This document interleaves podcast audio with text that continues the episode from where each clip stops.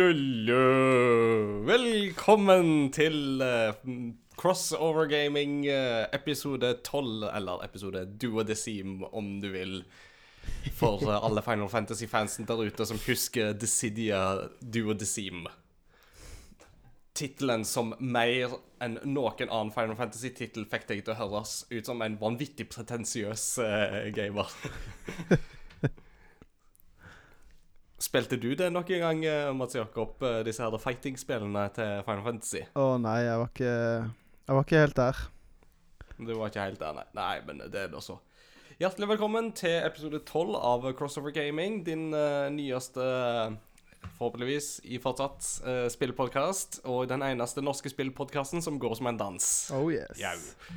Og mitt navn det er Ingar Takanobu Hauge. Jeg skal lede dere igjennom de neste halvannen-to timene. Med, med, med, oss i Kristiansand så sitter Mats Jakob Nesmann. Og her i studio i Oslo så er Kristian fortsatt på en uh, AWOL, så vi måtte fyre inn en gjest. Og da har vi fått med oss en veldig jovial og koselig trønder. Si hallo. Hei, hei. Uh, Peter Gjøkjell. Hei, Peter. Velkommen skal du være. Takk, takk. Hey.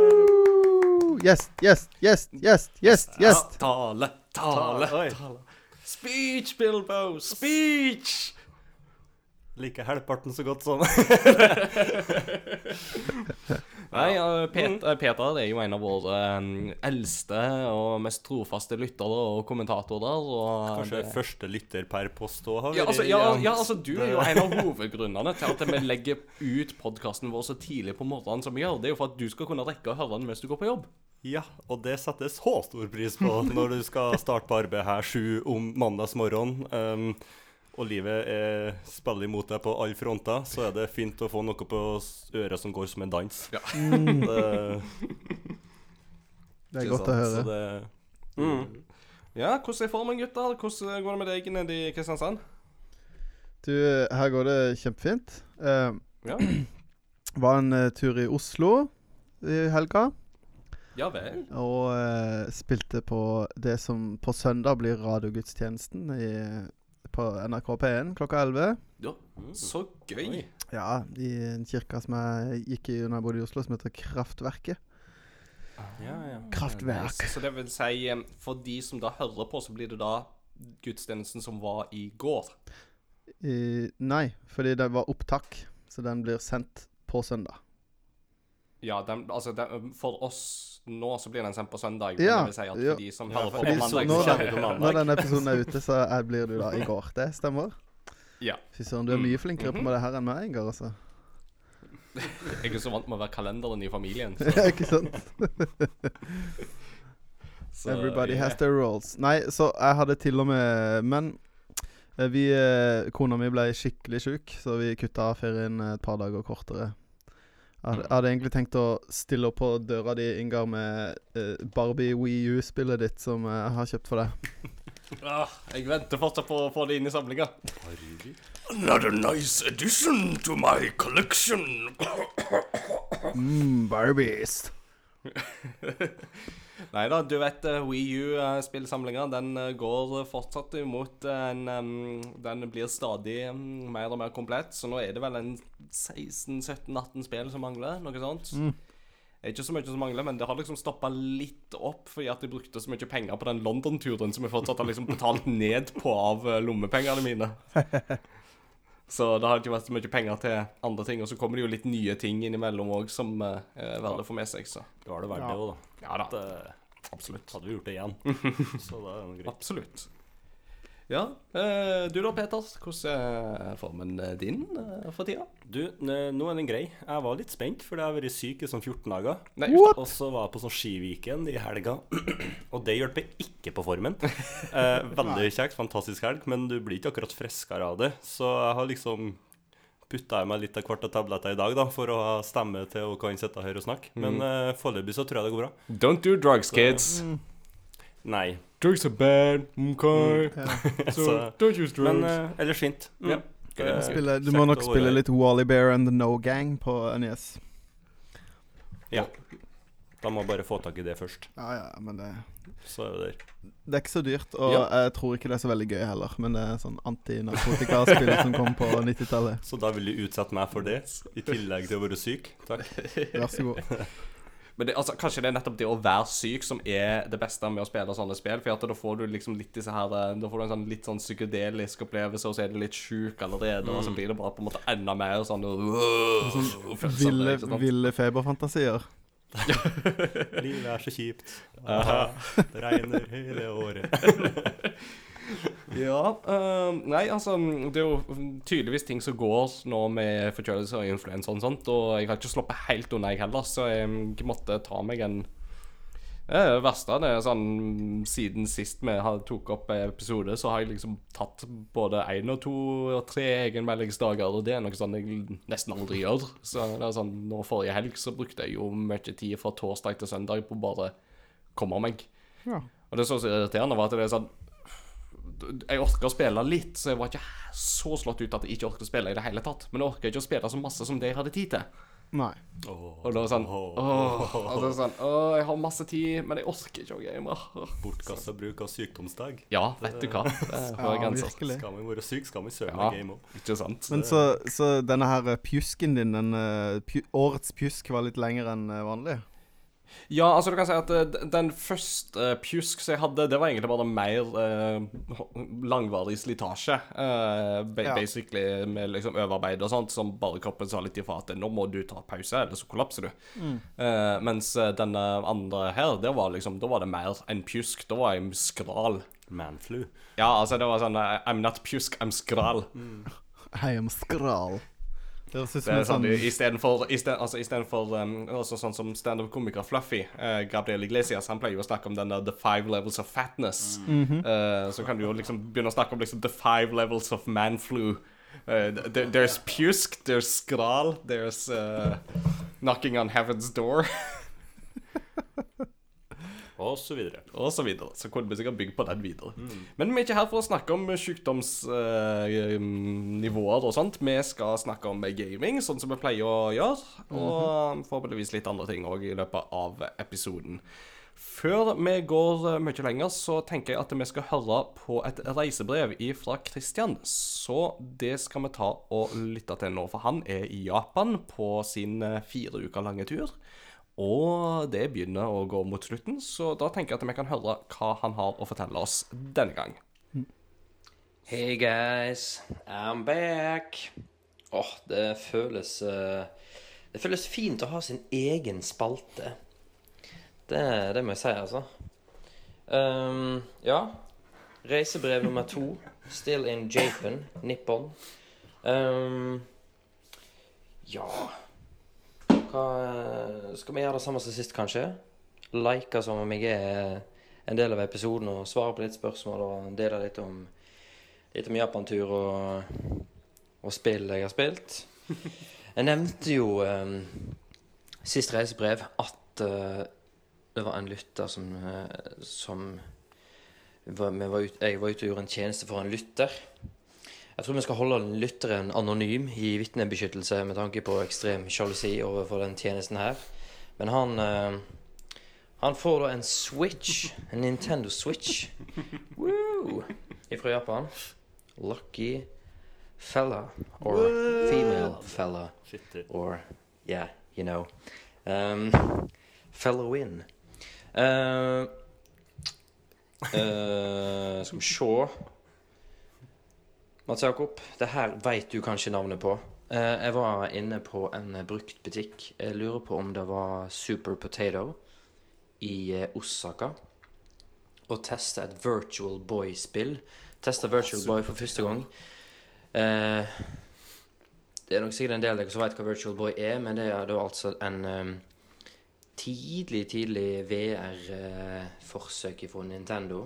Way ahead of its time som besto av Det er vel et rødt laserlys, så det er jo ekstremt ubehagelig i øynene. Um, Mats Jakob og Ingar kan fortelle deg mer om hva Virtual Boy er for noe. Uh, men Mats Jakob, jeg testa et boksespill som uh, bare var på den demostanden. Og jeg husker Jeg fant ikke ut hva det heter ved å Det sto ingen plass, da. Men uh, boksespillet er sånn som disse punch-out-spillene, at du på en måte er i en slags sånn første person. Og så tror jeg at jeg bokser mot en robot, eller et eller annet sånt. Kanskje du vet hva spill det er. Um, vært uh, på mer Arkade. Har testa Taiko no Tatsujin, som er det her eh, trommespillet. Jeg tror det ligger et bilde av det eh, på Instagrammen vår. Det er utrolig, Gøy. utrolig artig greie, men uh, sjukt vanskelig. Og det er noen japanere som sikkert er på Arkaden mer enn én gang, gang i uka, og de var vanvittig gode. Um, så ja, fett spill. Um, Snakka litt om Onimisha Warlords i eh, forrige episode, forrige reisebrev. Har runda det nå. Ikke verdt uh, verken tid eller penger. Det var egentlig bare mangel på ting å gjøre på toget, altså. Det var Ja. Det må spilles med tjukke, tjukke nostalgibriller på hvis det skal kunne nytes. Um, kjøpte meg på tilbud eh, Diablo 3 til Switch. Jeg vet ikke helt hvorfor jeg gjorde det heller. Litt sånn eh, spilltørke her nede. Um, så eh, For da har jeg jo spilt nok av på PC. Men, men. Artig på konsoll, i hvert fall. Bærbar. Funker, funker dødsbra. Eh, gikk til innkjøp av Final Fantasy 9 som eh, Som Ingar. Nå er det endelig kommet eh, på eh, På eh, Switch. Og nett begynt på det.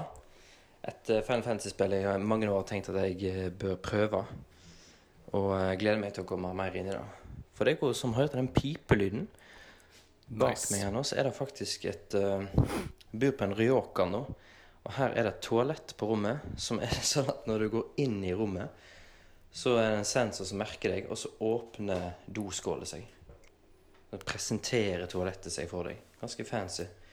Så det er sånn beep, og så heises opp. Hvis jeg går ut igjen nå, så beeper det snart og lukker I seg am igjen. happy to accept your waste. Japan, altså. Um, ja. Jeg er jo i den fjerde uka her nede nå. Fire uker er, er ganske lenge, altså. Så det er, Japan er et utrolig spennende land. Og, men en begynner jo å savne enkelte ting hjemme i Norge. Uh, hvis vi skal snakke om spill, så gleder jeg meg litt til å komme tilbake og fortsette på Assassin's Creed eh, Odyssey. Har veldig lyst å investere og uh, spille Resident Evil 2-remaken. Den ser jo fantastisk ut. Um, Ja, det bør du. ja. Uh, ukas spørsmål, lytterspalten. Da uh, blir det jo spurt om brettspill. Og der har jeg nok minst erfaring i redaksjonen. Så jeg tror faktisk jeg må slenge meg på uh, min kones svar her. Hogwarts Battle. Fett, altså. Og så har jeg Jeg vet ikke om jeg kan kalles et brettspill, men i hvert fall et analogt spill. Så har jeg eh, bare vært med på én game av DND, som prøvegame, men åh, det ga mersmak, altså. Så det, det gleder jeg meg òg til å spille mer av. All right. Har noen få navn igjen til eh, noen andre lyttere her nede i eh, Japan, Nippon, før uh, heimereise. Så det Det blir bra. Da lurer jeg på om jeg er totalt tom for eh, spennende ting å prate om. Så da eh, skulle jeg kanskje ha skrudd av for fem sekunder siden. Eh, men anyways uh, Sayonara. Mange takk, Kristian. Det var artig det å høre på. Uh, Mats Jakob, kan det stemme at det spillet han spilte, det var Teleroboxer? Det er helt riktig. Yes, det har jeg i samlinga. Så jeg har jo, jeg har jo Virtual Boy sjøl, det var vel faktisk på Super Potato i Åsaka at jeg kjøpte min uh, Virtual Boy, hvis jeg ikke tar feil. Så Uh. I eske og hele pakka. Så Nice.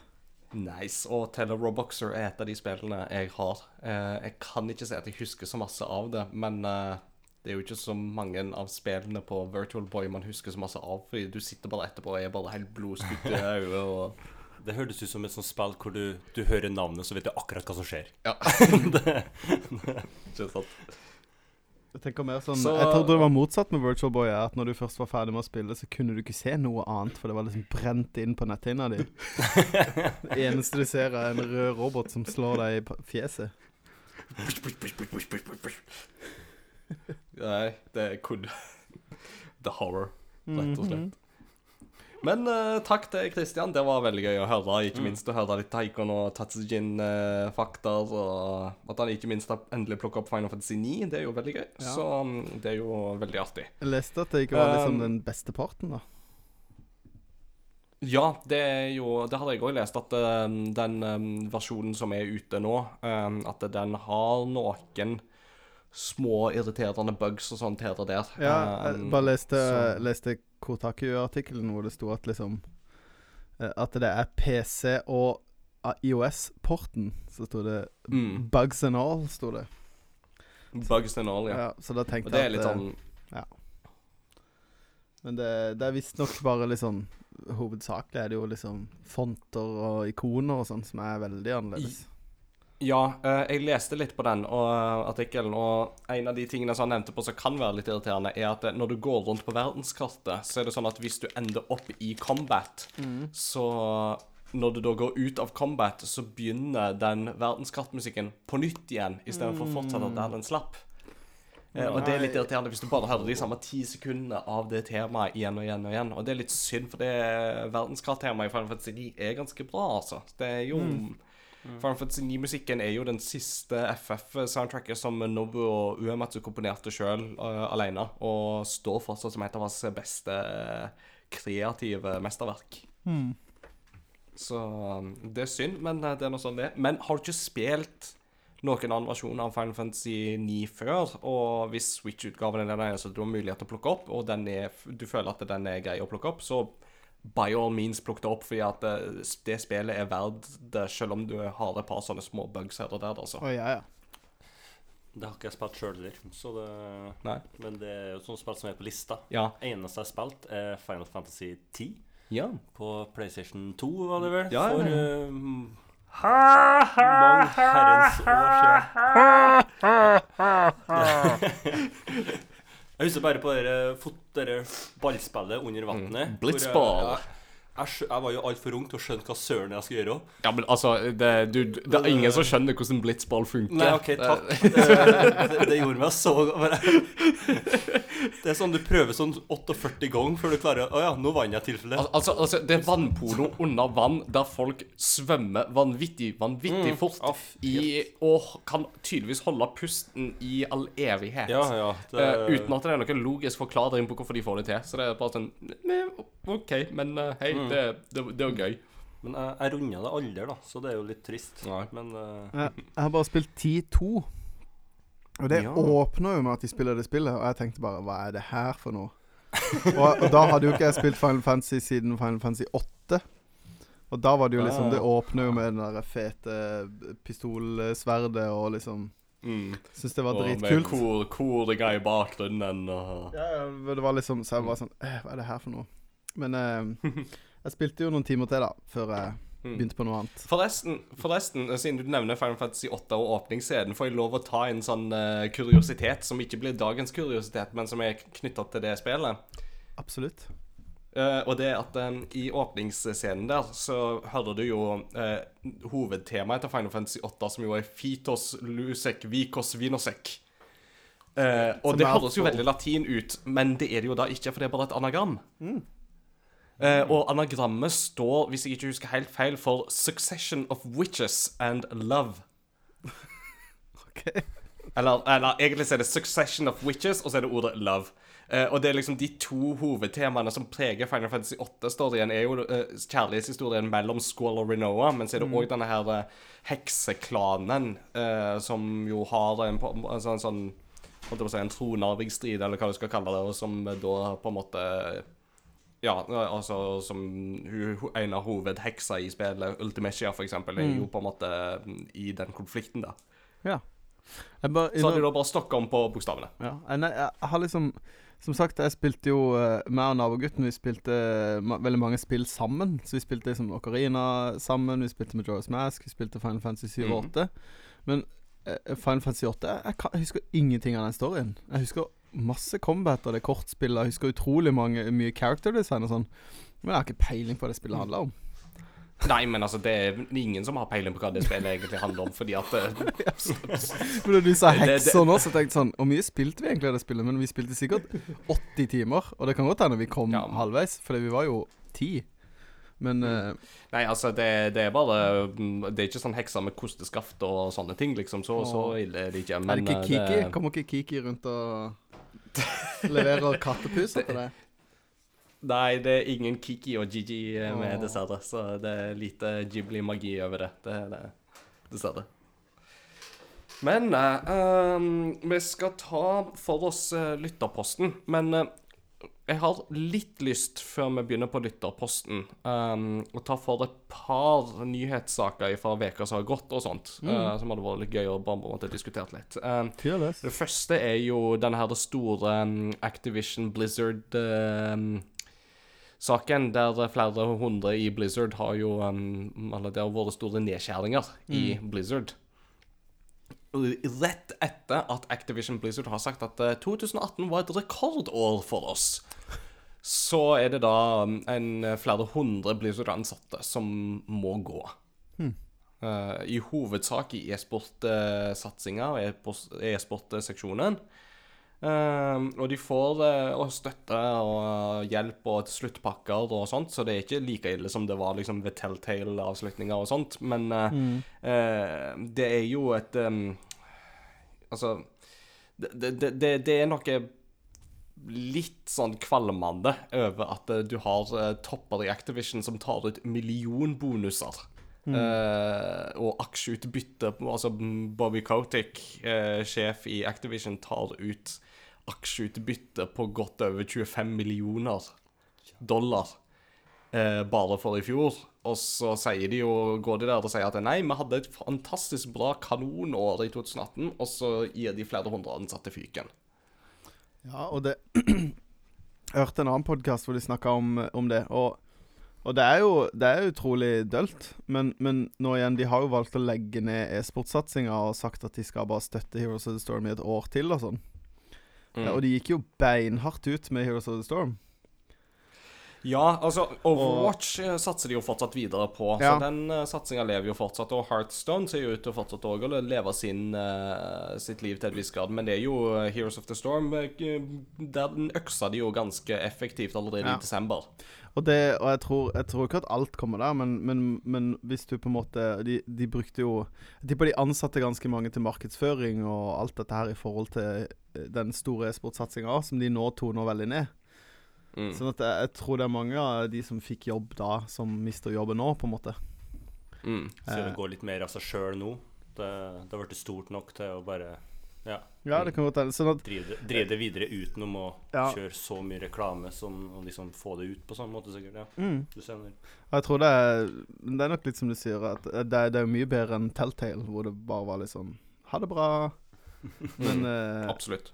Sånn at det, det er nok mer sånn eh, det, er- Hva skal jeg si? Det er kjipt, men så er det litt mer sånn vanlig corporate eh, greier, da, enn det var Mm.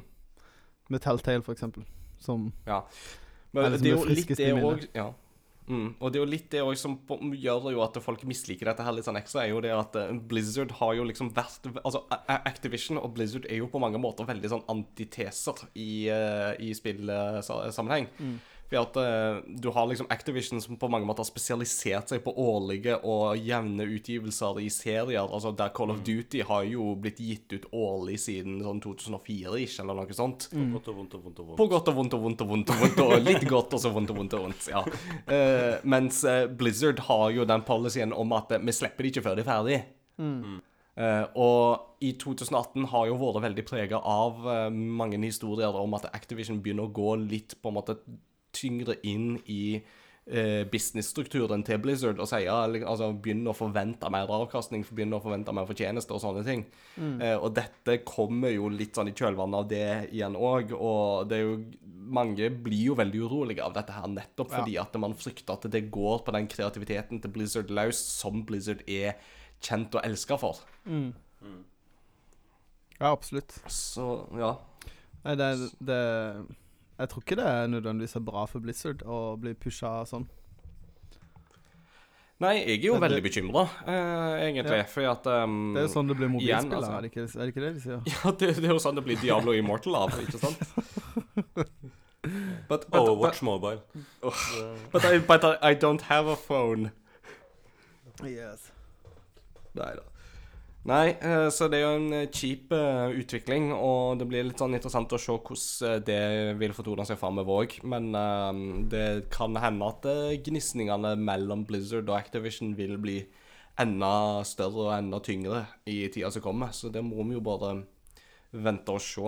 Men jeg håper liksom det at Blizzard kan få holde på den der kreative friheten som de har hatt så lenge, og som jo folk til syvende og sist virkelig på en måte forlanger og forventer av de, ikke sant? Og, men det er helt greit at eh, folk skal få Det er helt greit at ledere med mye ansvar og mye jobb og mye overtid skal, de skal få kompensasjon for arbeidet sitt og sånt, men jeg synes likevel det er litt kvalmende å se folk sitte der på toppen og ta vanvittige millionutbytter, og så gi mange folk fyken, altså. Det det, det, det er ikke ofte jeg kjenner på den der ned med establishment-sosialisten i meg, liksom. Men akkurat der der kjenner jeg at det er sånn Nei, vet du hva, det, det, det, det, det henger ikke på greip, altså.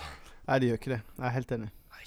Det, så um, Det spørs om det ikke er Activision som kommer til å ta denne her uh, Worst Company to Work For-prisen ved årets slutt. Som jo EA uh, jo um, prestert å få et par år uh, på sånn to, for noen år siden, så vi får se. Den andre tingen som jeg ville snakke litt Eller hadde du noe um, input Nei, nei. til nei. slutt? Nei. Ja. Eh, andre litt sånn tingen jeg ville snakke om, var jo det at vi har jo hatt en eh, Nintendo Direct eh, siden eh, sist. Mm. Og der ble det jo annonsert litt ting. eh, Og én ting som jeg jo tenkte kanskje selv du, Mats Jakob, ville være litt sånn ekstra keen på, var jo annonseringa av nyversjonen av The Legend of Zelda Link's Awakening. Åh, jeg tissa på meg da jeg så det. Åh, du aner ikke.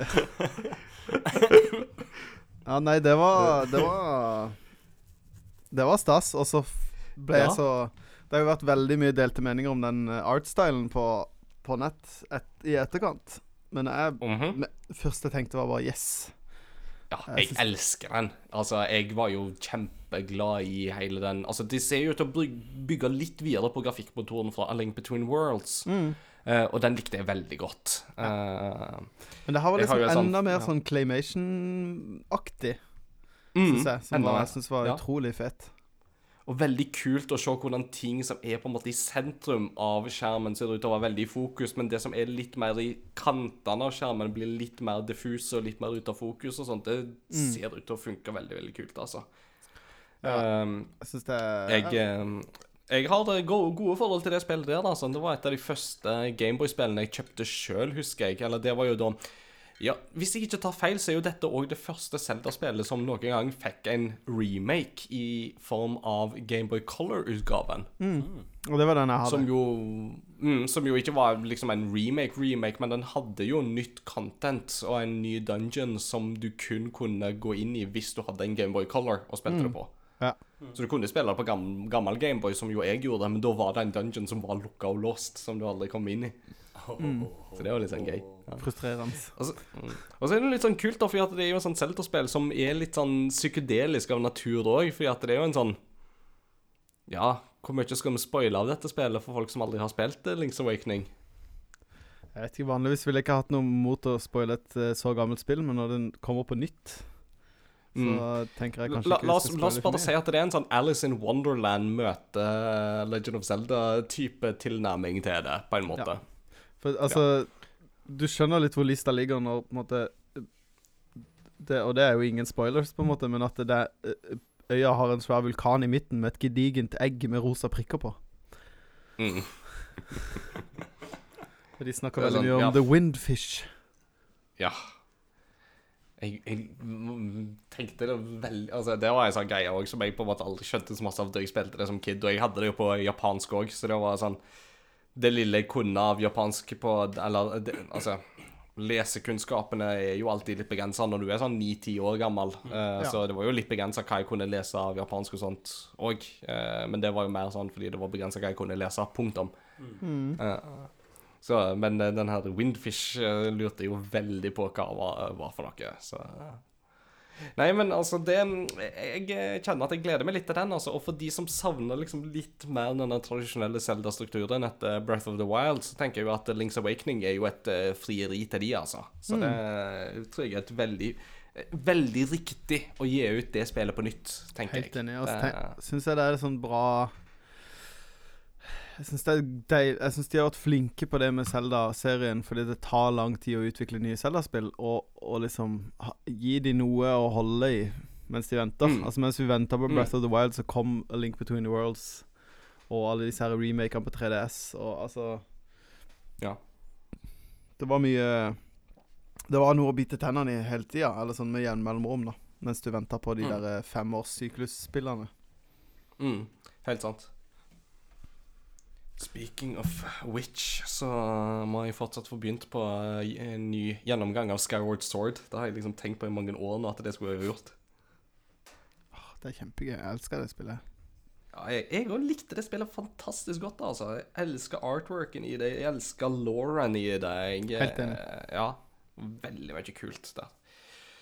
Vel det, Var det noen andre spill fra Directen du uh, syns ser frem til? Jeg ser jo litt fram til dette her Astral Chain som de annonserte. Ja. Uh, det er jo da um, uh, Det er jo da det, et, et nytt spill fra Platinum Games. eh, med en del av disse her eh, sentrale Platinum Games-folka i spissen. Blant annet han Hideki Kamiya er vel involvert litt i det, hvis jeg ikke husker feil. og sånt. Kom i august en gang. Eh, så for meg så er det bare sånn Du, sa You had me at Platinum Games. Liksom, det er sånn Det, det, det er alt jeg trenger. For at, og nå går det jo for så vidt òg et rykte om at uh, Scalebound, som jo var et spill Platinum Games utvikla eksklusivt for Xbox, og så ble kansellert Det går jo rykter om at det kan gjenoppstå på Nintendo Switch. Og hvis det skjer, da kommer jeg til å squeale. For det var sånn det var jo en av hovedgrunnene til at jeg ville ha en Xbox One in the first place. Og så var det sånn Nei, nei, nei, vi kansellerer det. Så var det sånn Nei! Så det var sånn Jeg håper så virkelig at det, det kan bli noe av, altså, for det hadde vært så fett. ja. Det hadde vært veldig kult. Uh, mm. Jeg likte òg det vi fikk se av Fire Emblem Three Houses. Uh, og nå har vi jo fått en dato på det òg, så det var jo veldig gøy. Uh, ja. Fire Emblem Game of Thrones, mener du? Ja. Ikke sant. Jeg syns det var litt sånn gøy å se kartet på, til den verdenen der vi skal være i Fire Emblem Three Houses. Fordi at det kartet syns jeg min... Altså, det ga meg assosiasjoner til verdenskartet i Fire Emblem Path of Radiance og Radiant Dawn, som vi fikk på GameCube og Wii. Uh, så det hadde, altså, jeg blir ikke overraska hvis de plutselig bekrefter det at jo, disse er satt i sam, altså på samme kontinent, bare med veldig mange års uh, mellomrom. Ah, det er sånne ting Det, jeg ja, for sånne ting har de jo gjort før. Altså, Fire Emblem Awakening eh, er jo direkte kobla til det første Fire Emblem, eksempel. Bare eh, Jeg tror det er 1000 år i forskjell Ja, det, eh, det er på. Famicom. Ja. Eh, Så altså, det er på Famicom da er det jo Marth som er hovedrollefiguren, og han snakk, omtaler det jo i Fire Emblem Awakening som The Legendary Hero King Marth. Ja. Ja, Mars Så- er fra det første spillet. Ja. Kult. Det er Jeg, riktig. jeg, altså, så jeg hadde jo ikke hørt om Fire Emblem før jeg spilte Melee. Nei. Som det, veldig mange i Vesten ikke hadde. Så det er helt naturlig. For så vidt. ja. Rekk opp hånda, dere òg. Nei da. Og så um, mer uh, Ja, så var det jo 2. mange som hm? Hollow Knight 2, er du gira på det? Ja, men jeg må få spille et Hollow Night først. Altså det første. Ja, det, er det Christian som har spilt Hollow Night i høst? Ja, det tror Ja. jeg at det er. Um, jeg har jo hatt noen venner av meg som har mast veldig på det, og det er sånn Ja, jeg har kjempelyst til det, jeg har bare vært Altså, jeg har ikke hatt tid. Uh, så ja. Too many other games to play, så mm. Med det så er det noe mer du tenkte på fra den eh, Nintendo Directen som var den verdt å snakke om nå? Nei, ikke på stående fot. Vi kunne sikkert ha snakka om det en time. Ja. Men eh, da tenker jeg vi går videre til lytterposten. Eh, I ukas lytterpost så har vi tatt en tur ut av dataspillenes sfære, og så har vi spurt folk hva er ditt favorittspill når det kommer til brettspill, kortspill og andre former for ikke-digitale spill. Og den har vi fått masse god respons på, altså. Det, folk er flinke, så det er kjempegøy. Så vi kan begynne i Jeg kan begynne på bånn, og så kan Peter begynne på topp, og så kan eh, du, Mats Jakob, ta, begynne der du vil. Akkurat der. er. Um, ja um, Vi kan jo si våre spill først, kanskje. Um, Peter, har du et um, altså, Hva er ditt favorittspill som ikke er på en måte et eh, dataspill? Ja. eh, først må jeg jo si at eh, mine venner synes det er litt artig at jeg skal være med på den ene hvor dere skal snakke om brettspill. Fordi når mine venner spør om jeg skal være med og spille brettspill, så spør de om jeg skal være med for det sosiale. Eh, for jeg syns det er veldig kjekt å være med Når folk spiller brettspill, være med og snakke og kanskje finne meg en Hvis det er strategispill, sitte der, diskutere strategi med noen. Og liksom der, elsker det, men det er ikke et must for meg å må være med sjøl. Eh, men hvis jeg er i spillet, så er det jo artig. Men eh, når, nå så spør ofte venner Du, skal du være med og se på at vi spiller brettspill. eh, mer enn uh, spill sjøl. Men det er enkelte spill som jeg bare elsker, og øverst på den lista er Dominion. Eh, Ja. det er, jeg elsker det brett slash kortspillet. Mm. Eh, og har vel eh, fem utvidelser. Ja, det begynner å bli en del etter hvert Eh, utvidelser på det. Mm, og det så, så da er jeg jo snart halvveis i utvidelsene, bare. Men det er noe av det jeg virkelig liker, er altså, En ting at det tar så Hver runde varer som regel ikke mer enn 20 minutter. Nei. Hvis du spiller med rutinerte spillere, i hvert fall. Og så er det altså Siden du i hver boks så har du 25 forskjellige eh, sånne ressursbunker, da, om vi skal kalle det som du bruker. Og siden du da bare bruker ti om gangen, eh, så vil jo alle få en runde som er likens. Nei, ikke sant. Og nå som jeg har fem utvidelser, så ja, om jeg så har spilt eh, 50 runder hver dag de neste 50 åra, så har jeg sikkert ikke fått to runder som er likens, fordi ja. Vi ber de som er matematisk begava av våre lyttere, om at Ikke du gidd! Erik Hauge, ikke gidd. Han er truende til å komme med det der. Uh, og så er det et spill som jeg gleder meg forferdelig til å prøve. Jeg, skal, jeg håper jeg skulle få det til før den podkasten her, men det rakk jeg ikke. Det blir i morgen. Og det ser jeg flere som har sagt òg, men det er Harry Potter Hogwarts Battle. Ja. Eh, og da fører jeg fra Haugen her til Erik Hauge borti der og skal spille det i morgen. Og det er et spill som jeg har gleda meg forferdelig lenge til. Ja. En ting er at jeg elsker Harry Potter eh, nesten like mye som Ringenes herre. Eh, og så er det det at det virker veldig, veldig artig. Eh, I den forbindelse så må vi jo nevne i dag er ville jo eh, Alan Rickman eh, fylt Ja. år, så Å, jeg bommer på T-skjorta. Ja, ja, nei, du har ikke Alan Rickman-T-skjorta di på deg i dag. Ja. Uh, wretched, isn't it? Det, ja, jeg tror det at det Harry Potter-spillet kommer nok til å ligge høyt Ja. eh, til meg og gjøre det nok. Må ikke forveksles med dette her mobilspillet Harry Potter På som kom ut. Ingen som helst måte. Og jeg er flau over hvor lenge jeg har spilt det spillet. Ja, det er godt. Så det, Uh, det ble et tidsfordriv som jeg slutta med alt og alt og altfor sent. Men uh, ja. Så det nice. Gode greier. Mats Jakob, hva er din eh, favoritt? Nei, um, det må uh, Det må jo være Settlers for meg. Ja. Eh, og det skal jeg jo forklare Skal gå litt dypere inn i når vi kommer videre bort til programmet. Men uh, Settlers har jeg spilt veldig mye. Og så eh, Pokémon, selvfølgelig. Pokémon-kort. Mm. Det er jo har jo da plutselig blitt en sånn lifelong obsession. Med noen Mhm. korte pauser. Og så eh, veldig, veldig fan av et spill som heter Munchkin. Ja. Eh, som er et sånt eh, at det, er jo, en- det er jo en parodi på rollespill, da. Men Mm. med kort. Eh, som har ekstremt mange utvidelser, og hvor ja, alt er jo basert på humor, egentlig, i det spillet. Så Nice. det det, det syns jeg er veldig gøy. Det er kult. Mm. Ja. Gode greier. Og du, Inga? Um, for min del så har jeg et par eh, favoritter. Uh, Kona er veldig glad i å spille Pandemic, uh, og det har jeg jo blitt veldig glad i. Ja, det det- syns jeg er veldig gøy. Det, ja. uh, og litt av grunnen til at vi liker det så godt, er jo det at det er jo et spill der alle som er med, må samarbeide. Eh, så det er på en måte Alle spillerne spiller mot brettet. Altså Brettet fungerer på mange måter som en slags AI, eller en egen entitet, som alle rundt brettet skal kjempe mot og vinne. Så det er sånn, enten så vinner alle, eller så taper alle. Eh, og det er et veldig kult uh, konsept og sånt, og um, har liksom òg hatt suksess med å introdusere det til neste generasjon. Uh, ja, til våre nieser og sånt, som på en måte har, har falt de, ja. veldig for det òg. Og det med at, det liksom at vi kan samarbeide med de og, og spille det sammen med de, er jo veldig givende. Eh, så, så Pandemic er absolutt anbefalt eh, sånn, altså. Kult. Eh, jeg har òg en eh, forkjærlighet for eh, Ringenes herre-risk. eh, som jo da Fortsatt ikke prøvd. Oh, det, det må Vi skulle jo spille det, vi. ja, det må vi få til, altså. Det må vi få til.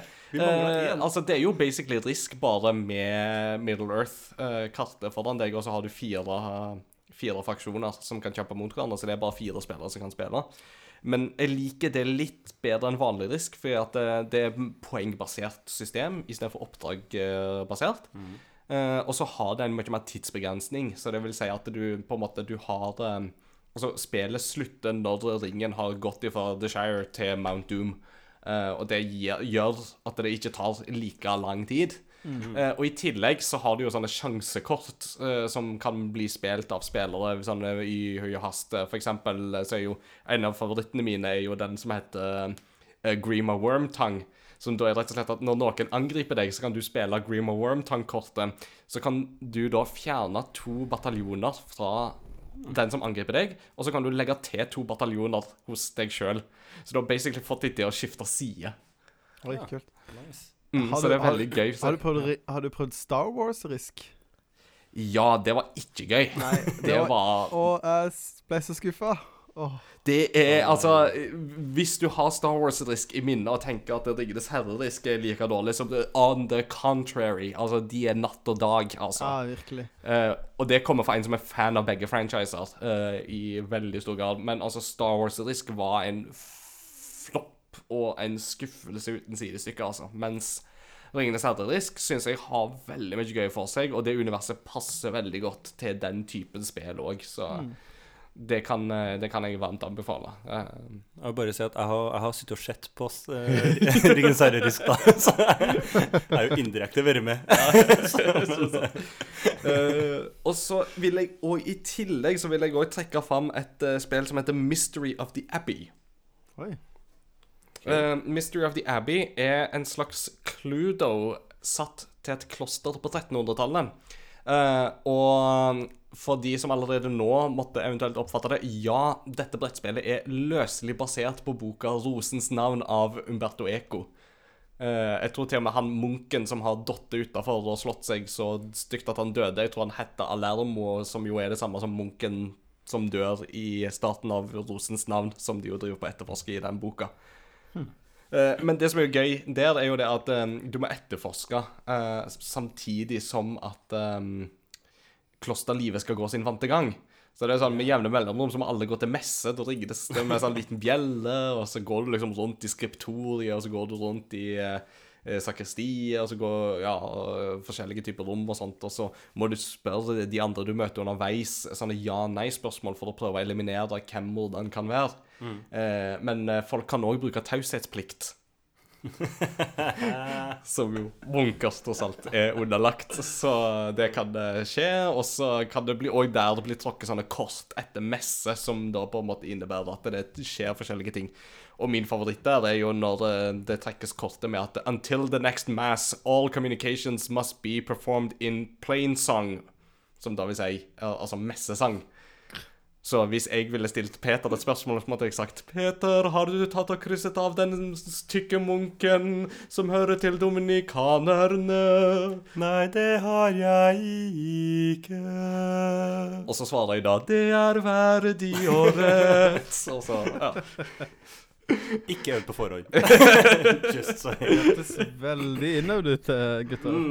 Uh, det er fra, fra- fra teologinerden i meg så er jo det der å spille bare humor og Ja, kos og gøy, så det er noe artig sak, altså. Jeg vil forresten bare skyte inn et Ja. spill jeg nevnte for deg før vi begynte, Ja. som jeg spilte i helga. Ja. Som jeg, det er et spill som jeg har spilt hele livet, fordi alle sammen har det enten på hytta eller ligger den i en boks. Eh, og det var Uno. Ja. Eh, før jeg var på sånn Skiviken eh, gjennom eh, Misjonssalen i helga, så da var vi en stor gjeng som for til Hurdal. Og så spilte vi Uno en dag med kjapping.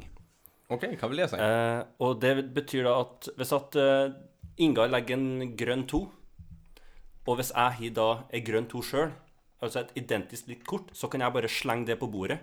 Og da flyttes turen til nestemann. Og når du da sitter ni til ti personer og spiller Uno med to bunker og kjapping, så har du et heidundrende underlig kaos, men det er fantastisk artig. Og da har du de fantastiske pluss fire-kortene. Og når du spiller med pluss fire-kort og kjapping, så jeg tror rekorden ble at én person må trekke inn 16 kort, eller noe sånt. Så det var Oi, oi, oi, oi. det, og altså Og enkelte kan jo bli Hvis du er veldig flink på det, så blir du ferdig i løpet av to minutter. Fordi du bare slenger inn kort som andre uvær, som sagt. Og så Men det altså Prøv det. Samle en stor gjeng. Spill Uno med kjapping. Altså dere er helt utslitt etterpå, men dere er en veldig veldig fin underholdning, eh, underholdende kveld. Det- Så det var den siste skikkelig gode spillopplevelsen jeg hadde på brettspillfronten. Good. Kort, kortspill. Strengt tatt. Da skal vi ta og lese kommentarene. Så da begynner jeg med Anders Berge Sandven sin kommentar nederst. Og så kan eh, Peter begynne oppe, og så kan Mats Jakob begynne der det måtte passe. Eh, Andreas Berge Sandven skriver 'Talisman sier da er kjempelett å lære'. Jeg har aldri spilt Talisman, men eh, hvis det er kjempelett å lære, så bør det jo prøves en gang. Jeg håper det er artig i tillegg, da. Det får vi håpe. At, hvis det er eneste årsaken til at det er artig, at det er lett å lære, så ja. Ja. Men, men. Vil, Ja. vil du ta neste? Ja, da skal jeg på toppen. Da er det Martin Herfjord. Eh, for, nå ble det dialektforvirra, jeg? Eh, for meg så må det bli brettspillet Talisman. Det spilles på mange måter som en dungeon crawler RPG. Der det følger med 14 ulike klassefigurer du kan velge mellom. Som f.eks. necromancer, assassin, druide osv. Alle med ulike egenskaper og statferdigheter. Man begynner ytterst på brettet og arbeider seg stadig innover fire nivåer. Og får bedre stats og items av å knerte et bredt, bredt repertoar av monstre. Målet er å være den første som kommer innerst på brettet, og anskaffe det ultimate item, da talisman. Antar det er det navnet kommer fra. Perfekt for lange kvelder på hytta. Han er òg en stor fan av Munchin. Ja. Hjerte. Nice. Da fikk vi jo en fin innføring i Talisman, talisman også, så det var veldig greit. Ja. Passer fint. Mm. Kjetil Austad Endal skriver Her Har det siste året blitt hekta på Arkham Horror, the card game. Både gameplay og law er helt nydelig. Spillet kombinerer de beste elementer fra Pokémon Trading Card Game, som eh, Magic og Pokémon. Nei, TCGs, ja. Trading Card Games, selvfølgelig. Eh, som Magic og Pokémon. Man lager et dekk på 30 kort med utallige tilpasningsmuligheter og potensielle synergier. Og rollespill. Du følger en campaign og får experience og leveler opp dekken din. Spillet fungerer utmerk utmerket både som singleplayer og multiplayer. Selvfølgelig gøyest med flere. Anbefales, anbefales for alle brett, kort og rollespillfantaster. Nice. Det er jo en sånn eh, Lovecraft eh, Lovecraft-inspirert eh, card game, Men det Ark- Så det er sånn Ha, ja. har det noe med Batman å gjøre? Nei, altså Arkham-navnet tror jeg kommer opprinnelig fra Lovecraft, og så stjal Batman-universet det inn seinere, inn i bruken av Arkham Asylum. Ja, ikke sant? Uh, men, men, men det er jo en grunn til at det er et eh, Altså et, det The Asylum for the Criminally Insane. Uh, at det heter Arkham, er jo på en måte da ikke tilfeldig valgt den navnekoblinga der, siden det Lovecraftiske er jo veldig knytta til dette med holdt på å si, det der Altså sånne der gamle guder, og at man blir på en måte litt sånn gal av å mm, bli eksponert for mye for de der gamle kaoskreftene og sånne ting. Så Mm, mm. Ja. Eh, Så blir eh, Kjetil alltid så redd når jeg da liksom bare begynner med sånn der Ja, ja, Hastor for tagen, og sånne ting. Så da er det bare sånn Å, nå døde du. La vi se. Eh, Øystein Christer Nei, skal vi se. Åsmund Solsvik. Åsmund har fortsatt en uh, flittig kommentator, altså. Skriver Har blitt en del runder med Otello. Ja, Otello er jo Stemmer. Det er et som har gått i glemmeboka, det. ja, men altså, det, det lever fortsatt. Ja. Det er jo der, og um, It's not going anywhere. Det var det vi spilte mormor og morfar. Og Ja, ja, ja, det er sant. det var Jeg var, jeg var på leir en gang, og da møtte jeg norgesmesteren i hotellet Oi. Er det en greie? Ja, tydeligvis. Altså, det var- vi har en norgesmester i sjakk, så hvorfor ikke, liksom? Hvorfor ikke? Ja, da, altså, Hvis dere ikke har lært noe nytt i kveld, da har dere lært noe nytt nå. Det er jeg helt sikker på. Ja, ja. Ja, Peter, vil du ta neste? Ja, skal vi se Katrina Myhren.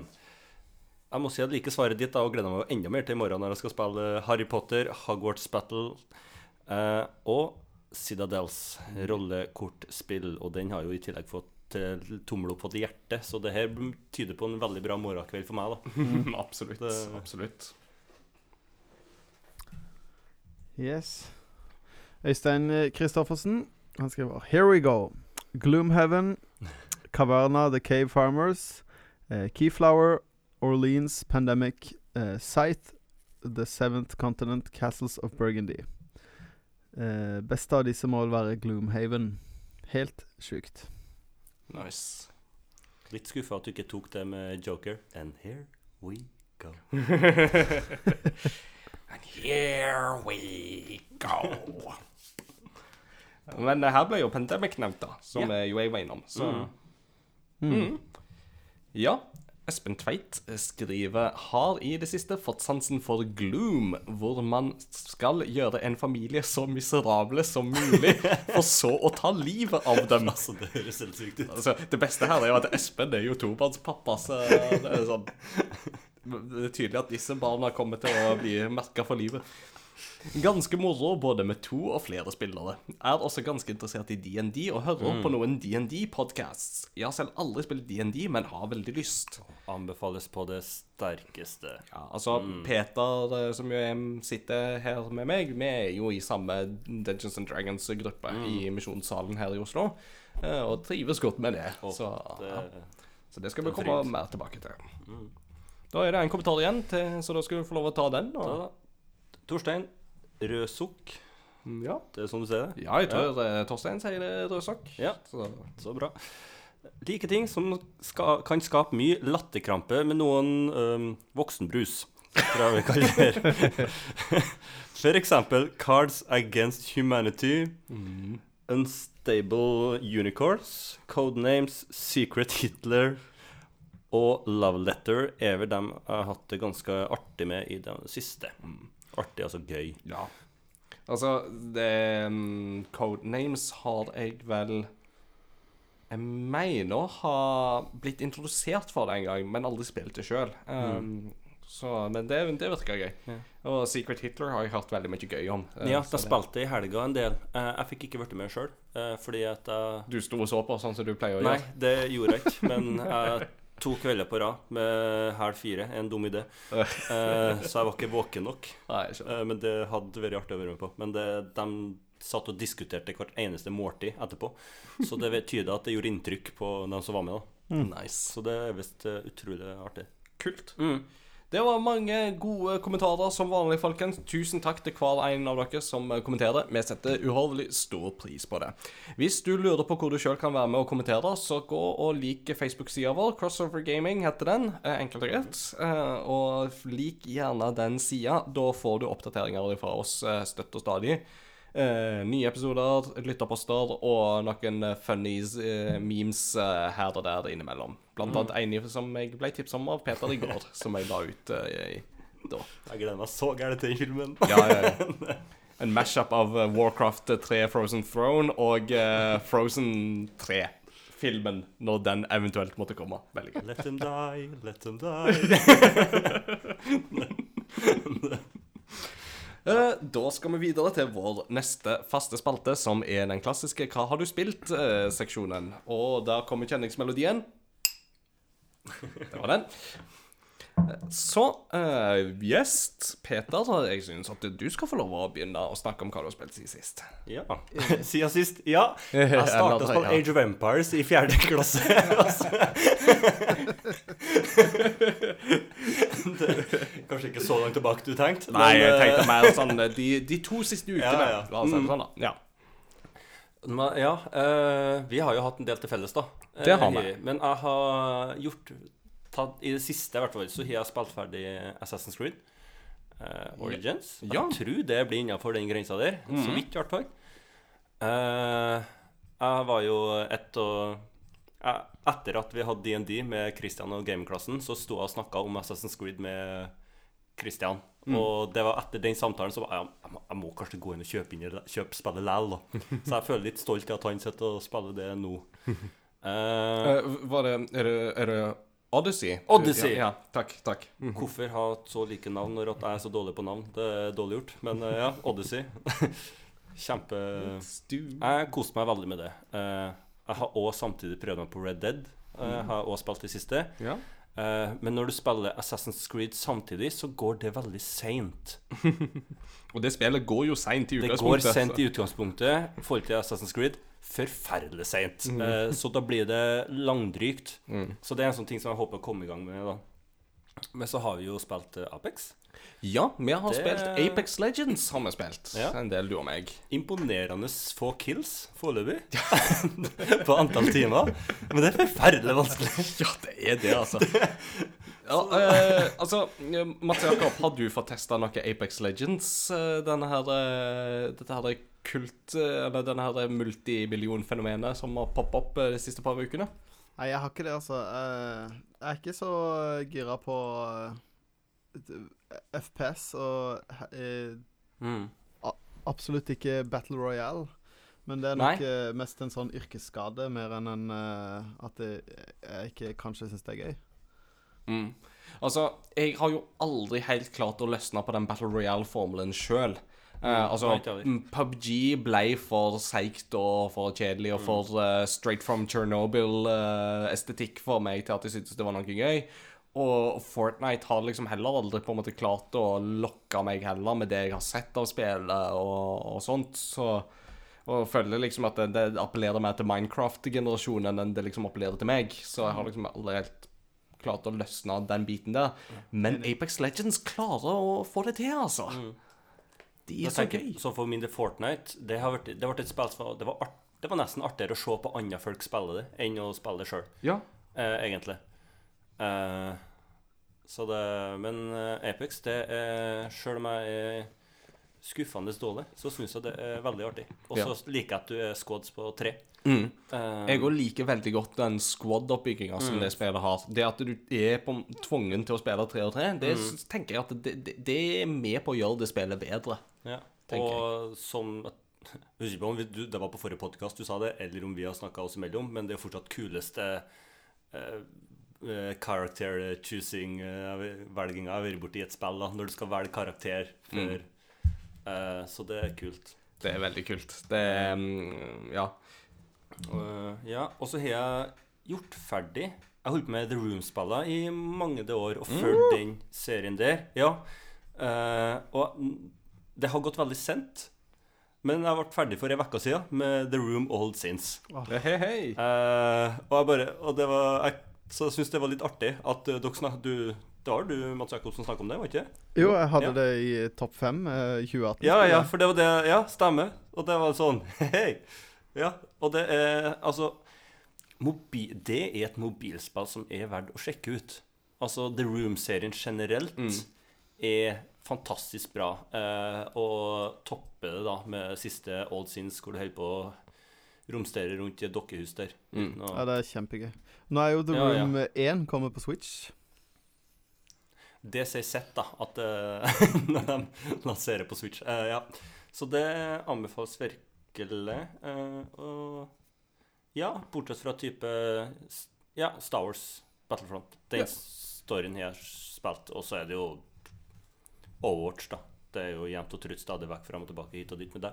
Ja, riktig. Så- det er jo det. Så. Mm. Det er vel det jeg har spilt siden Ja.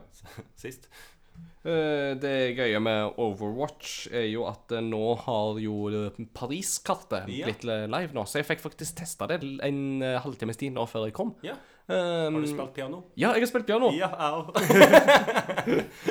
Det er så gøy fordi at det er et piano i, eh, på Paris-brettet som har responsive tangenter. Så det er rett og slett at det, det spiller Altså hvis du skyter på en tangent, så spiller den tonen som tangenten ville spilt. Og det er jo fullt av videoer nå på YouTube av folk som har spiller sanger Ja, ja. og klipper og, li og liksom klarer å lage sånn flerstemt, og det er sånn Ja, tatt Jeg, jeg, jeg fant pianoet, jeg, og så tok jeg bang, bang, bang, bang, bang, bang, bang. Det er bra. Dam, bang, bang. Bang, bang, bang, bang, bang, bang, bang, bang, bang, bang, bang, bang, bang, bang. Selvfølgelig. Å, det gikk sent, det. Det gikk uh, seinere. Kjøre i gang det kverna bak her. Ja, det var jeg som ikke klarte å ta referansen med en gang, så han måtte uh, sette 24 strek under den. Så Nei, men uh, kult det, da. Eh, hvordan likte du storyen i Battlefront 2? Uh, jeg jeg syns det er veldig kult at de tar litt sånn Battlefield og kjører litt mer ukjente personer fra Star Wars-universet. For du har så sinnssykt mye interessante personer som du kan gå i dybden av. Eh, og jeg, jeg koser meg. Absolutt. Eh, og liksom har ikke sånn mye jeg kan si på det.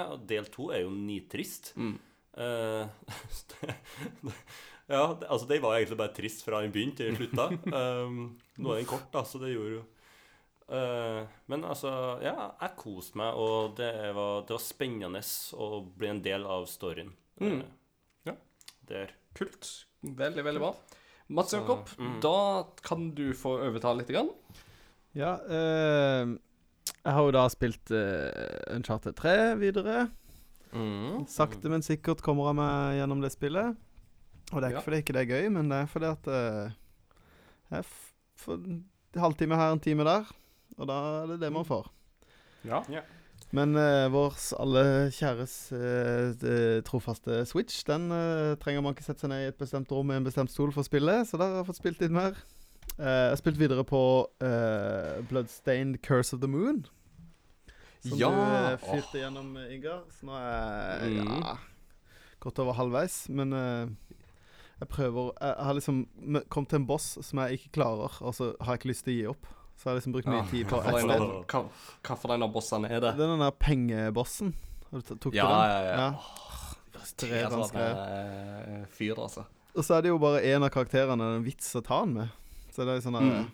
ah, Når du dør, så har du bare lyst til å restarte, for det er ikke noe vits å prøve med de to andre som ikke har noe range i angrepene sine. Nei, ikke sant. Så det var litt sånn annoying.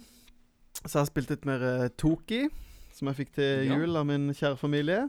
Som hadde den kule mm -hmm. Retro Lector Edition. Men eh, det er jo sånn spill hvor du må, du må lære deg banene. Mm. Så det er litt sånn Man orker ikke Eller jeg klarer iallfall ikke sitte og spille det i timevis og på en måte bare repetere samme banen om og om igjen for å liksom få den til. Eh, Get good. Ja, virkelig. Try hard. Eh, så det har jeg spilt litt, men ikke masse. Og så eh, nevnte jeg jo i stad at jeg var i Oslo i helga. Og da var jeg innom den fantastiske butikken Neo Tokyo. Yes. Og da kjøpte jeg et Play japansk PlayStation 1-spill. Som jeg har sittet og spilt Ja. litt. Og det heter så mye som Rockman eh, X5. Ja, eller Megaman X5 om du vil. Ja. Eller som man sier når du åpner det Rockman X5. Ja. Med, ja. Så det, uh, det er veldig gøy, men det er mye dialog. Og det er kjedelig når jeg ikke leser katakana. Så det Nei, det er sant. Uh, når, du nevner, når du nevner Megamann uh, og sånt, så tenker jeg at det er òg verdt å nevne en liten nyhet siden sist. Og det er jo det at Capcom har plutselig sluppet kjempemasse musikk på Spotify. Eh, Så plutselig så finner du masse spillemusikk fra Resident Evil, Monster Hunter, Phoenix Wright, Megaman, Street Fighter. Eh, Plutselig så ligger masse av det på, tilgjengelig på Spotify. Um, av det ligger ute på japansk, så det er ikke alt som er like lett å finne sånn umiddelbart. Men hvis du søker Capcom, så vil du på en måte kunne bla deg ned gjennom lista som de har, og det er vanvittig mye kult. Og da ligger jo blant annet all Megamann-musikken ligger jo ute. Uh, Devil May Cry ligger jo òg ute. Um, så jeg satt på I dag så var jeg på jobb, uh, så var jeg sånn Oh, nå var jeg i Megamann-stemning, så da scrolla jeg ned, og så fant jeg, begynte jeg på Megamann X1, og så gikk jeg videre til Megamann X2, Megamann X3, og så bare hørte gjennom musikken videre der, så. Det, og det er kule soundtrack. Og det, det liker veldig godt med, med X-serien når han kommer bort i ja, fem og fire og fem og sånn, Mm. Jeg hørte du Jeg syns det er så gøy å spille som Zero, Ja. eh, som er liksom også på en måte er litt sånn, syns jeg er litt sånn ekstra challenge, for at han har jo ikke eh, pistol, han har jo sverd. Mm. Sånn at du kan liksom ikke skyte på avstand. Eh, og det gjør det litt vanskeligere. Ikke det at jeg er så veldig god i Megamann, men jeg syns det er gøy med den, den variasjonen, da. Mm. Eh, og så Ja, X-serien etter fem er litt sånn tvilsom. Mm. Eh, og sju og åtte er jo litt sånn De ble jo slakta. Mm. Eh, sånn at eh, X6 tror jeg er det siste spillet som var 2D. Sprite-basert. Mm. Det er Eh, riktig. Men eh, nei, det var gøy. Jeg sikla på det lenge, det spillet på Neo Ja. Tokyo. Så fant jeg ut at nå, Nice. nå skal jeg kjøpe det.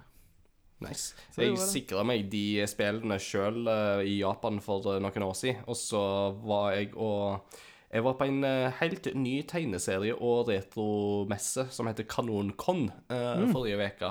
Rett, eh, rett her i nabolaget, faktisk. Det var liksom i Kanonhallen her på Løren.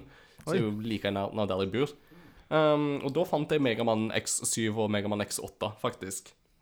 På PlayStation 2. Så da fikk jeg På PlayStation 2. Så da fikk jeg sikra de, for det var de to siste jeg eh, mangla eh, i samlinga. Så nå har jeg liksom alle Megaman X-spillene. Ja, kult.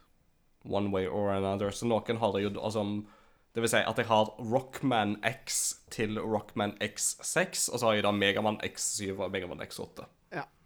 Så nå må jeg bare få tak i det der Megaman X Command Mission, eller hva det heter, som jo var en sånn spin-off eh, av et eller annet slag. Eh, det er det eneste som mangler, da. Det er jo mange av de. Du har jo de der eh, Det er jo masse DS-spiller. Ja, ja, men det er jo en annen kategori igjen, eh, tenker jeg. Eh, Er det, er det det, ja? ja. Ja, det kan Men det er godt. Jeg har ikke så mye peiling på Så peiling på Megamann-serien. Men uh, Så yeah. mm, Um, min tur, da? Ja, jeg tror det. Jeg kan bare slenge inn en kort ting. Hvis det, hvis det er noen som eh, eh, eh, En fantastisk YouTube-kanal som heter Happy Console Gamer. Han eh, har en kompis eh, som bare går under navnet Robman, for han er så sykt Megaman-fan. Men eh, de lagde en sånn kjempebra og ganske in-depth eh, eh, Megaman-overview-serie. Hvor Ja. han liksom går gjennom og snakker om alle Megamann-spillerne, Og har en egen for Megamann og en egen for Megamann X-serien. Så det er veldig gøy hvis du har lyst til å sette deg litt inn i serien. Så er det en kjempefin måte å gjøre det på. Kult. Det, Mm. det skal jeg sjekke ut. Det høres veldig gøy ut. Ja, det, det er veldig gøy. Mm. Så min tur. Um, jeg har jo vært litt under the weather, uh, så litt begrensa hva jeg har fått spilt. Men um, jeg har um, brynt meg blant annet på Tales of Vesperia Definitive Edition. Eh, er dere kjent med Tales-serien? Er nok ikke det. Nei. Jeg har bare spilt Um, det første. på Super Nintendo. Super Nintendo. Ja, F Tales of Fantasia. Mm. Mm, riktig. Uh, altså, Tales er jo en uh, japansk rollespillserie som um, har bare um, på en måte økt stadig mer i popularitet og omfang og renommé, så um, Det interessante med Tales of Vesperia var at det ble gitt ut på Xbox 360 uh, i sin tid. Uh, og det er litt sånn spesielt, fordi at uh, i Japan så har jo Xbox har jo aldri solgt i det hele tatt i Japan. Så det at de fant ut at de skulle gi ut et japansk rollespill i en relativt halvpopulær rollespillserie uh, til Xbox 360, eh, det var litt sånn Oi! Eh, Sure, ja, sure, sure, liksom. Og så, um, men det solgte bra utafor Japan, i alle fall. Og året etterpå så kom det en litt utvida utgave til PlayStation 3 i Japan. Eh, og det er den utgaven som nå blir gitt ut internasjonalt òg, eh, under navnet Definitive Edition. Eh, til PlayStation 4, Xbox One, Switch og PC. Um, mer stemmeskuespill, flere rollefigurer, flere um, eh, side missions eh, og mer historie. Og alt er voice acta uh, denne gangen, i motsetning til hva det var opprinnelig. Og du kan velge japanske voices hvis du foretrekker det. Så jeg er jo en som foretrekker det. På den engelske voicen så er det litt sånn interessant, for der har de da brukt de gamle stemmeskuespillerne på det originale materialet, og så har de brukt nye stemmeskuespillere på det som da er nytt. Eh, så det er litt sånn interessant med at uh, hver rollefigur har to forskjellige stemmeskuespillere. um, Det så det er litt interessant, men uh, ja. Nei, altså Jeg liker godt Tales-serien sjøl. Um, Tales of Vesperia er et Tales-spill. Du merker absolutt eh, hva det er, og hva du Altså, har du spilt et Tales-spill tidligere, så vet du hva du får. Um, men det er jo sånn du, og, og, altså, du går rundt i verden, du utforsker grotter og huler og eh, slott og diverse ymse. Og når du havner i konfrontasjon med fiender, så går du inn i kampmodus, og da er du Kampene foregår på et tre, tredimensjonalt sirkulært område, men så beveger du deg alltid todimensjonalt i forhold til den rollefienden du har targetet festa på. Så banen er tredimensjonal, men du beveger deg todimensjonalt. Det er litt sånn... Så du blir på en måte sidestilt, da? Ja. også Riktig, riktig. Og så eh, er det jo da type bare fysisk angrep og magisk angrep og diverse liv ymse. Ja. Um, også, men det er herlige rollefigurer i det spillet. da. Det er spillets klart største styrke. Det er mange gode, eh, elskverdige rollefigurer i Tales of Vesperia, og er mer enn god nok grunn alene det, altså, til å plukke det opp og prøve seg. Så hvis Rent personlig så er det nok ikke min eh, personlige favoritt i serien, men um, ehm, Men jeg vil si det at det er et godt uh, rollespill som har holdt seg bra til å være ti år gammelt. Og hvis du er nysgjerrig på Tales-serien, eller liksom savner litt mer av disse Tales-spillene fra den gamle skolen, så er dette et uh, godt spill å begynne på, altså. For min del så har jeg liksom alltid fått um, Jeg er jo veldig fan av det nyeste som de ga ut, Tales of Berseria. Berseria. Uh, som basically er et spill der du spiller som the bad guys. Som var en litt sånn kul take på det. Men eh, ja. Um, og så har jeg da spilt Apex Legends, blant annet sammen med Peter her, som jo er dette store eh, fenomenet som plutselig ble lansert ut av intet, og som på ei uke klarte å få 25 millioner eh, spillere. Flatt av. Det tok så av, det, altså. Det, var, det hadde en ikke sett, altså. Nei, det Ehm, men altså Apex Legends er jo utvikla av Respawn Entertainment. Respawn Entertainment ga oss Titanfall i sin tid. Og Respawn Entertainment er jo de som i sin tid utgjorde Infinity Ward, som ga oss Call of Duty Modern Warfare 1 og 2. Så dette er et, en gruppe mennesker som vet virkelig godt hva de holder på med når de lager spill. De er knalldyktige. Eh, og jeg var knallskeptisk da Apex Legends ble annonsert. Og med, det var liksom Dette er liksom det som har vokst fram et, i det vi prøvde å lage Titanfall 3. Um, og vi har laga et Battle Royale-spill. Og jeg var bare sånn Åh, nei. Igjen, liksom. ikke sant? Men så slår det meg i ettertid at eh, det er jo altså, for, for, I utgangspunktet så tenkte jeg det er jo bortkasta. Altså, hvorfor skal Respawn Entertainment sitte og lage et Battle Royale-spill? Men etter å ha satt meg i Apex Legends, så sitter jeg jo og tenker at det, det er jo fordi Respawn Entertainment er så dyktige på det de er, at det er helt dundrende så riktig at de skal lage et Battle Royale-spill. Fordi disse folka de er kjempeflinke på å ta en sjanger som allerede er etablert, finpusse og perfeksjonere den og kjøre den inn i en ny retning som alle andre da liksom kan på en måte leve opp til og si altså her setter standarden, her skal skapet stå. Det er det de kan, og det er det de òg gjør med Apex Legends. Um, first person, tre mot tre. eh, 60 stykk eh, ned på en øy. Kun eh, tre stykk blir stående igjen til slutt, hvis eh, et en hel skvadron overlever, vel å merke. Um, og høyt tempo, bunnsolid kontrollsystem. Jeg elsker hvordan Apex Legends har dette her pingesystemet. Som med at du kan Altså, hvis du finner noe bra, eller vil gå en plass, eller ser deg en fiende, så kan du pinge det. Sånn at de andre på laget ditt òg får det med seg. Og det er en kjempebra måte å kommunisere på hvis man ikke tør å snakke med to vilt fremmede mennesker på laget ditt. Mm. så er det en helt perfekt måte å gjøre ting på, syns jeg. Du får kommunisert uten Mm. om å fremtrede din fantastiske dårlige engelsk. Nei, ikke sant. oss uh, Ikke sant? Ja, ikke sant? Og det, det er jo liksom bare det at eh, alle disse heltene Altså, det, det er et veldig heltefokusert Battle Royale-spill. Det henter veldig masse fra Overwatch. Ja, ja. Eh, og det, det er jo kanskje litt av appellen for sånne som meg, er jo det at når jeg har brukt så mye tid på Overwatch, så blir jo det en mye mer appellerende sak. Og alle disse rollefigurene har jo personligheter, og de er jo de er jo så kule alle sammen, syns jeg. Altså, de er kjempekule rollefigurer.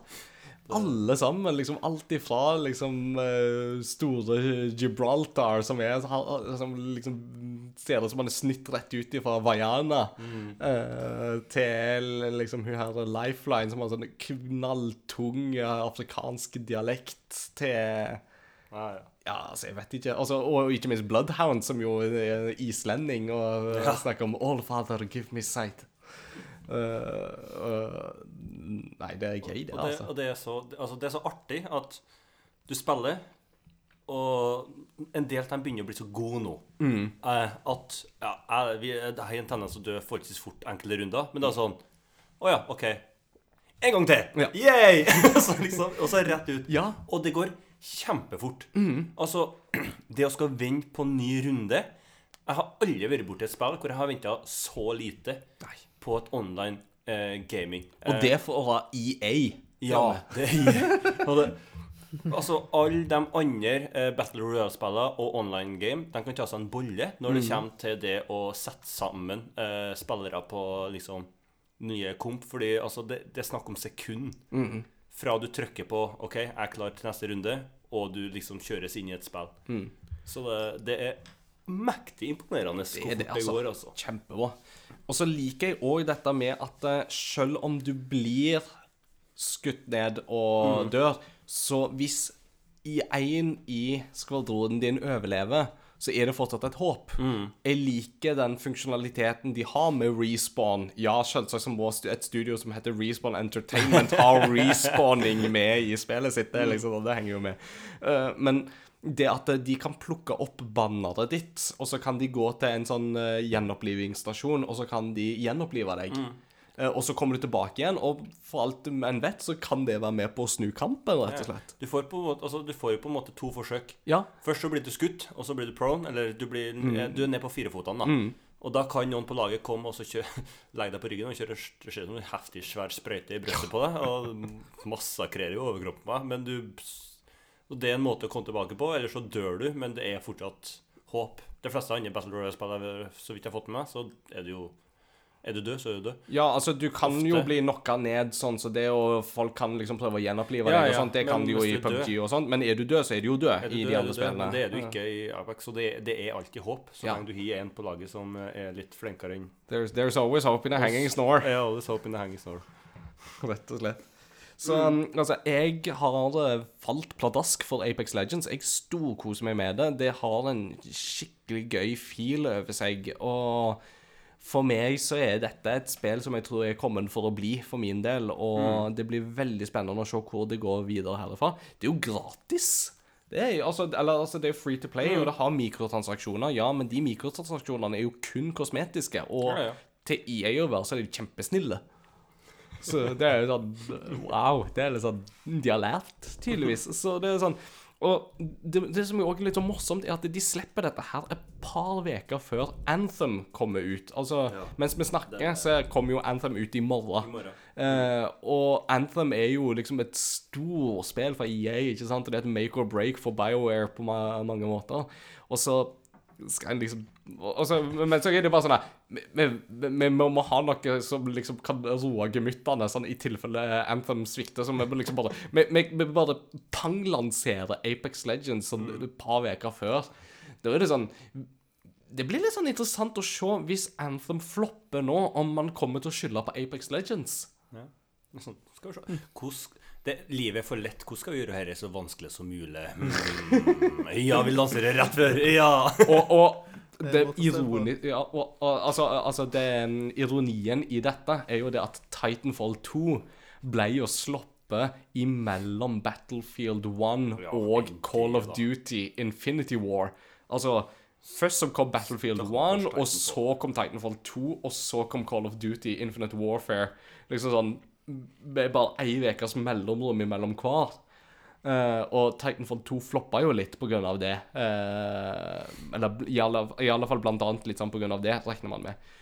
Interessant nok, Titanfall 2 har jo fått en gjen, altså et nytt liv takket være Apex Legends, fordi det er satt i samme univers. Så folk begynner å bli litt nysgjerrige på dette her og sånt, så Og en annen interessant ting er at folk har endt opp med å kjøpe ved en feiltakelse uh, VR-spillet Apex Construct.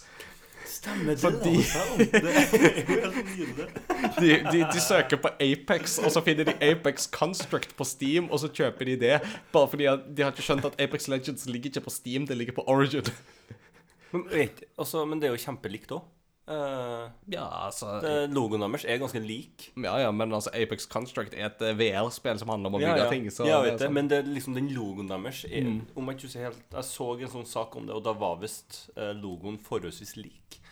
Så det gjorde det ikke noe lettere, da. At, eh, Nei, Det blir iallfall interessant å se om Apex Legends eh, vil gjøre det bra videre framover. Men jeg kommer til å følge med på det og holde meg gående på det. Så jeg kommer helt sikkert til å snakke mer om det etter hvert òg. Med det så tar vi en eh, liten pause nå. Nå har vi holdt på en god stund, så vi skal ha en liten pause og mm, samle kreftene litt, og så er vi straks tilbake.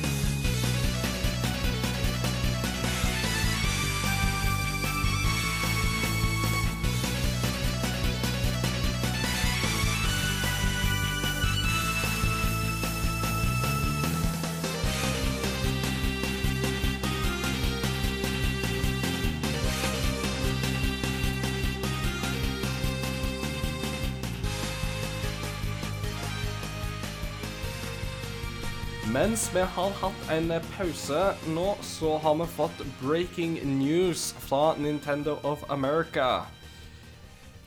Våre kjære Nintendo-president i eh, de amerikanske regioner de siste 15 årene, Reggie Fils-Aimé, har eh, annonsert at han skal trekke seg fra stillingen sin eh, i 15. april. Da er 15 år med han som sjef for Nintendo of America over, og vi kan dermed si takk til en mann som har gitt oss klassiske memes som 'My body is ready'. Så må det jo da nevnes nei, jeg- at uh, han som tar over, han har et veldig finurlig navn. Ja, fordi at i 2015 så ble det nemlig ansatt en uh, mann i um, En senior vice president of sales and marketing, og han heter intet riggere enn Doug Bowser. Altså, Så. Bowser blir sjef for Nintendo of America. Oh, det Hvis er ikke dette er sånn starten på imperiet Det- eller Ja, historie, så vet jeg ikke altså. Jeg lurer på hva neste 20 spillene kommer til å hete. jeg. Det- med Bowser. Super, Super Bowser, uh, Bose uh, 1, 2 and 3. Jeg, jeg tipper at et eller annet sted så står, har Johannes skrevet om dette her i, eh, i åpenbaringen sin. Ja. Dette mener jeg er definitivt en sånn eh, Her må vi grave litt i apokalypsen, altså se litt. Mm, mm. Eh, det minner meg forresten på at jeg hadde jo en vanvittig tørr teologivits når vi snakket om Apex Legends. Og det er jo det at jeg håper at eh, på et eller annet tidspunkt så kommer utvidelsespakken Apex Legomenon. Da I um, gresk så er det da sånn at et, et, et hapax legomenon er jo da et ord som kun forekommer én gang i uh, det greske Nytestamentet. Det er tørt. Så jeg håper det er en eller annen en eller annen der ute som hører på denne podkasten, som syns den spøken er like gøy som meg. Og så håper jeg at EA faktisk gjør, og Respawn gjør noe av det, bare for meg. Men eh, vi får se. Vi er derimot ikke her for å snakke om uh, Reggies avskjedsdager, selv om eh, vi er veldig takknemlige for jobben han har gjort, og alle memesa han har gitt oss. Men vi er her for å snakke om um, analoge spill, faktisk. Um, eller um, hva skal vi si ikke-digitale spill. Um, vi skal snakke litt om brettspill, vi skal snakke litt om uh, rollespill, og vi skal snakke litt om uh, kortspill. Um, så i den forbindelse så har vi jo blant annet invitert deg, Peter, eh, med i denne gangen her. For, um, for litt over et års tid siden så begynte du å spille Dungeons and Dragons. Oh yes. Ja. Uh, kan du ikke fortelle oss litt om liksom, veien din inn i Dungeons and Dragons, og hvorfor du har blitt der? Ja, altså, det tok jo litt tid fra jeg hørte at det var eh, DND i misjonssalen til at jeg ble med, fordi eh, liksom, hva, når jeg hørte Ja, hva er DND? Nei, det er sånn at du lager en karakter, og så er det sånn rollespill. eh, så har du en sånn DM da, som forteller, eh, og så er det sånn fer ut og slåss mot monster. Så det jeg da trodde DND var, det var at det var en gjeng som møttes i misjonssalen, i hovedsalen der, og skuespilla eh, eh, forskjellig. Jeg bare Fytti katta, det høres så sinnssykt nerd ut at jeg ikke ender på det. Eh, så det, Du, du trodde rett og slett at de larpa i misjonssalen? Ja. Ja, det er liksom Så bare sånn Ja, altså, men jeg skjønte ikke helt hvordan Altså, er det noen som spiller monster, da, Altså slåss, og så står du og prater med folk til lufta, og ja, Jeg syns det virka utrolig sært. Eh, men så fikk jeg jo Vått og fant jo plutselig ut at Vent litt, det er jo noen av de vennene her som jeg vet han hater alt innen miming og skuespill. Eh, sånn der. Så, så jeg begynte å fundere på hvordan har fått med dem to. Eh, ja, det er to det er snakk om. Um, og så var det Det var vel Eirik Erik Hauge. Mm. Shout-out, det er ikke det dere bruker å si? Eirik! Eirik! Eh, som eh, mm, Som eh, liksom eh, begynte å skulle ha meg med, da, for han var sikker på at det her var noe jeg kom til å like. Eh, og så i farta også, så lurte han på om jeg ville være med og, som DM på sommertreff om sommeren. Eh, og det tenkte jeg ja, sure, det høres så spennende ut, men da må jeg først lære meg hva det er for noe. Eh, og så ble jeg med. Mm. Og eh, jo det, For det første, det fins ikke skuespill i det whatsoever, bortsett fra hvis du kjører på med litt stemmeskuespill og lever deg inn i karakteren mens du sitter i en god sofa. Eh, det er det nærmeste form for skuespill, og det faktum at det er kun fantasien som setter grenser. Eh, det, altså det gjør det til en verden som er spennende, og du vet liksom aldri helt hva som skjer. Eh, DM-en har jo satt sine grenser, men hvis du kommer på noe skikkelig kult, eller et eller annet ekstraordinært, så har du noe så fantastisk som heter rule of cool.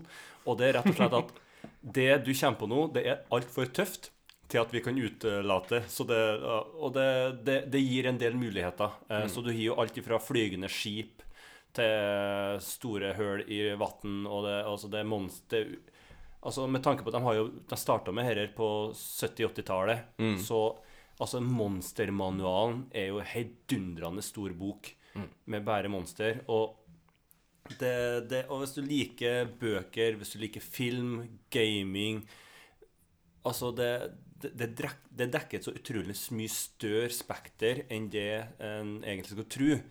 Fordi altså, når man hører folk liksom snakke om DND, så hører altså, det, det høres så sykt nerd ut. Det gjør Det, det. altså, det Nei, det er en gutta som sitter og leker superhelt, ja. Vi sitter og forteller om drager og Ja, det er liksom, ja. Men altså, det, det dekker så utrolig mye mer. Og så Vi har dessverre bare gutter. Um, skulle gjerne hatt noen jenter i gruppa òg, men det, det, så det bærer jo litt eh, preg av det, da. Men det Så altså, hvis du vurderer å prøve DND, eller aldri har hørt om en noe sånt, her, ta og sjekk ut det, for det Ja.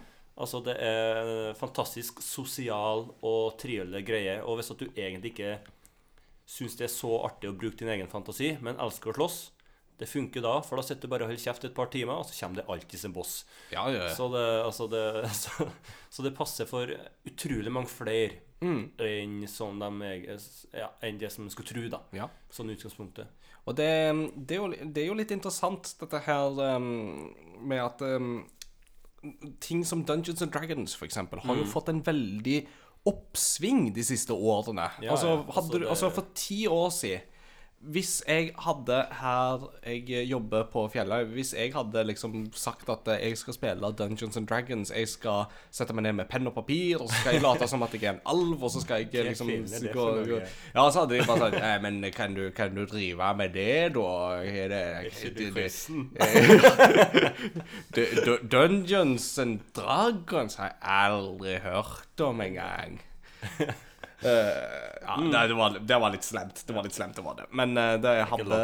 Nei, ikke sant. Um, så Altså For ti år siden så hadde det der bare vært så erke sært at det folk hadde syntes hadde på en måte ikke brydd seg og sånt. Men, men, men, men, nå så er det jo Men nå så er det liksom mye mer akseptert. Det er mye mer populært. Det er mye mer Folk er mer nysgjerrige på det. Folk er mer åpne for det. Altså, hva er på, hva har skjedd i mellomtida? Altså Det er jo forskjellig Altså det hjelper jo blant annet at eh, serier som Big Bang Theory, Stranger Things og flere og antageligvis, eh, som er sånn superpopulære serier, putter sånne ting inn i, eh, i ja, i sitt manus, da. Eh, altså Når du setter og ser Sheldon Cooper DM altså Det må jo være et mareritt sånn i utgangspunktet. Men altså det, det, det er litt sånne ting får det jo i altså Folk får hørt om det.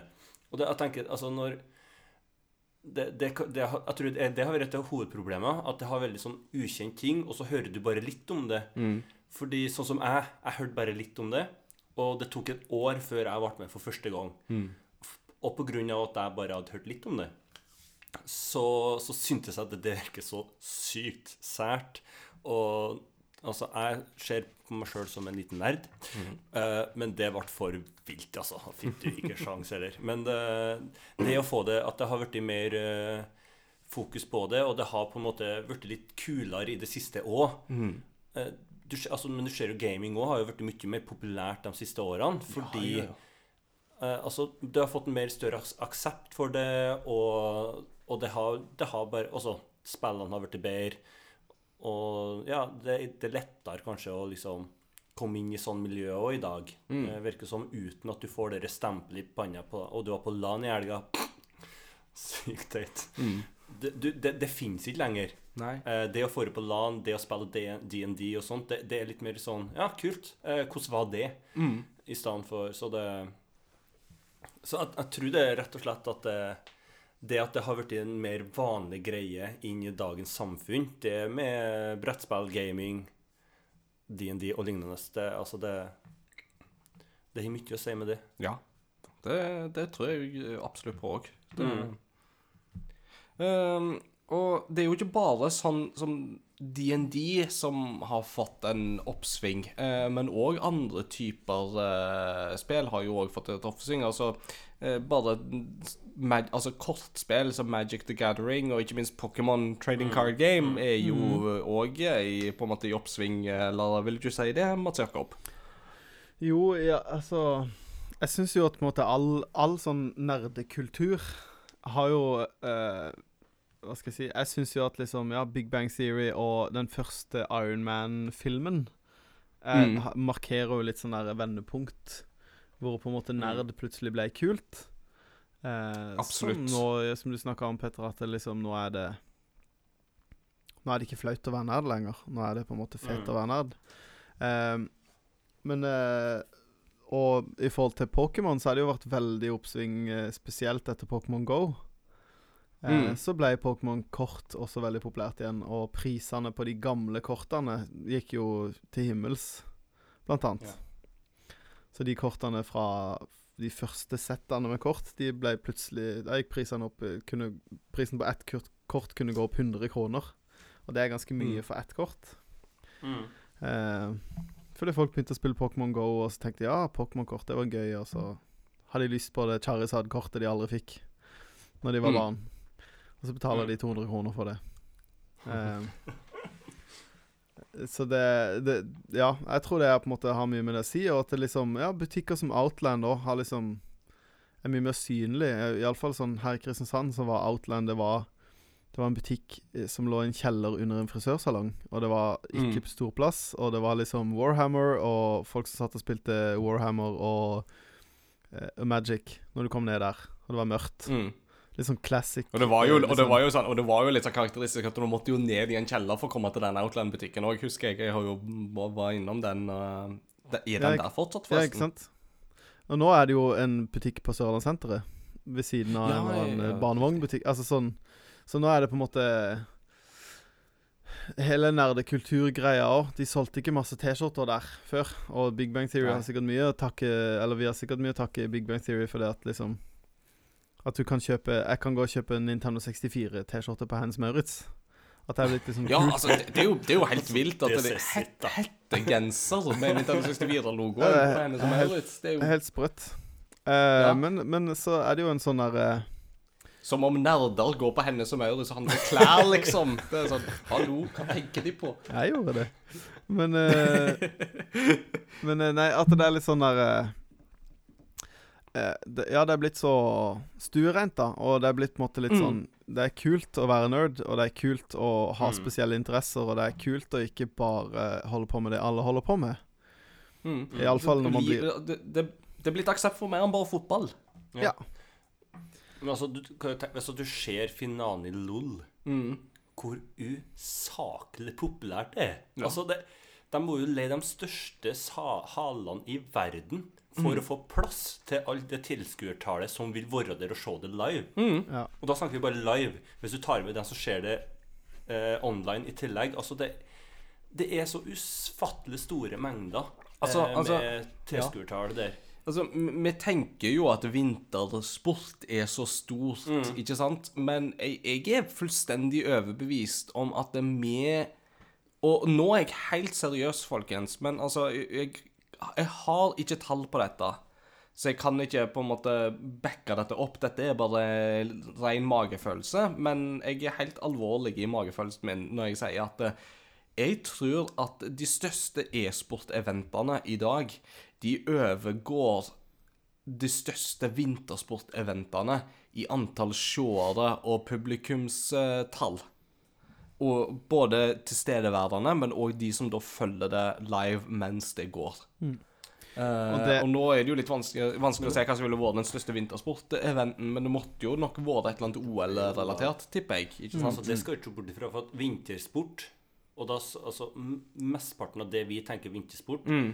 det er ikke så stort utafor Norge, Sverige og et par andre land. Nei. Altså Hvis du tenker langrenn, så er det utrolig mange plasser i f.eks. Tyskland og Østerrike. De har sagt beklager, vi har ikke ressurser til å ha i noe langrenn i år fordi at det er ikke penger i det. Nei, I Nei og, og, og det er jo det som er poenget mitt. ikke sant? er jo det at Her i Norge så har vi jo veldig ofte på en måte Altså, når det er ski-VM, og når det er OL, og norske landslaget holder på på, på, i- på sine skiting og Ja, nå snakker jeg Så mye peiling hadde jeg, hører dere.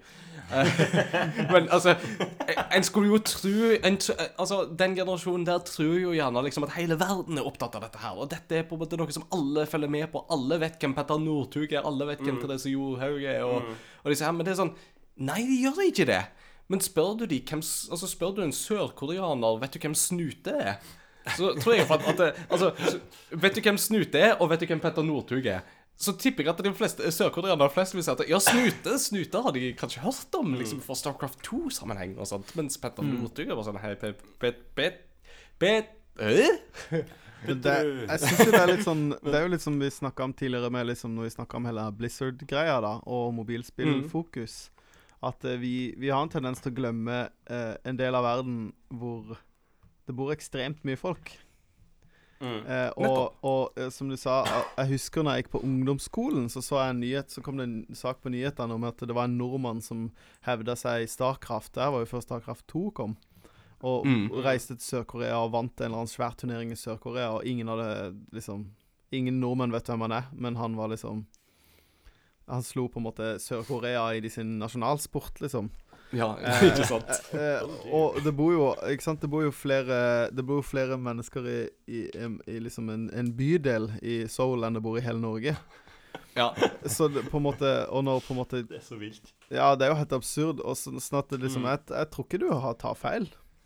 Når eh, på en måte du tenker på hvor mange som som vokser opp nå, som har vokst opp med LOL, på en måte. Altså, jeg har en Ja, mm. Sønnen til min kusine, han Jeg husker at jeg syntes han var så liten da han spilte LOL. Nå er jo han russ. Og på en måte tenker alle årene etterpå, altså At uh, Mm. du får en ny generasjon som, som på en måte vet hva e-sport er, og som syns det er gøy Ja, å se på, mm. og som er vokst opp med at spill det er noe man også ser på, ikke bare spiller. Mm. Jeg har faktisk tallet på hvor mange som så eh, League of Legends-finalen Ja. i eh, fjor. Ja. Eh, nesten rett under 100 millioner ja. Ikke sant? som så kun finalen. Så absurd. Så latterlig! har, du, har du tallet på hvor mange som så Superbowl-finalen uh, i samme slengen, så har vi jo et eh, plutselig sammenlignbart tall, for nå begynner vi å snakke Superbowl-nivå, altså. Det er jo- ja. Men um, vi sporer litt av, da, for vi var jo her for å snakke om ikke de, altså de, de mer analoge spillene, men Ja. det er jo likevel litt denne kulturen rundt er jo på en måte litt sånn lik likevel, da, imellom eh, Altså kulturen imellom liksom den her e-sport-greia og, og altså Alt dette her som er litt sånn i kategorien geekete og nerdete og litt sånn, er jo betydelig mer akseptert i dag enn det det var for ti år siden.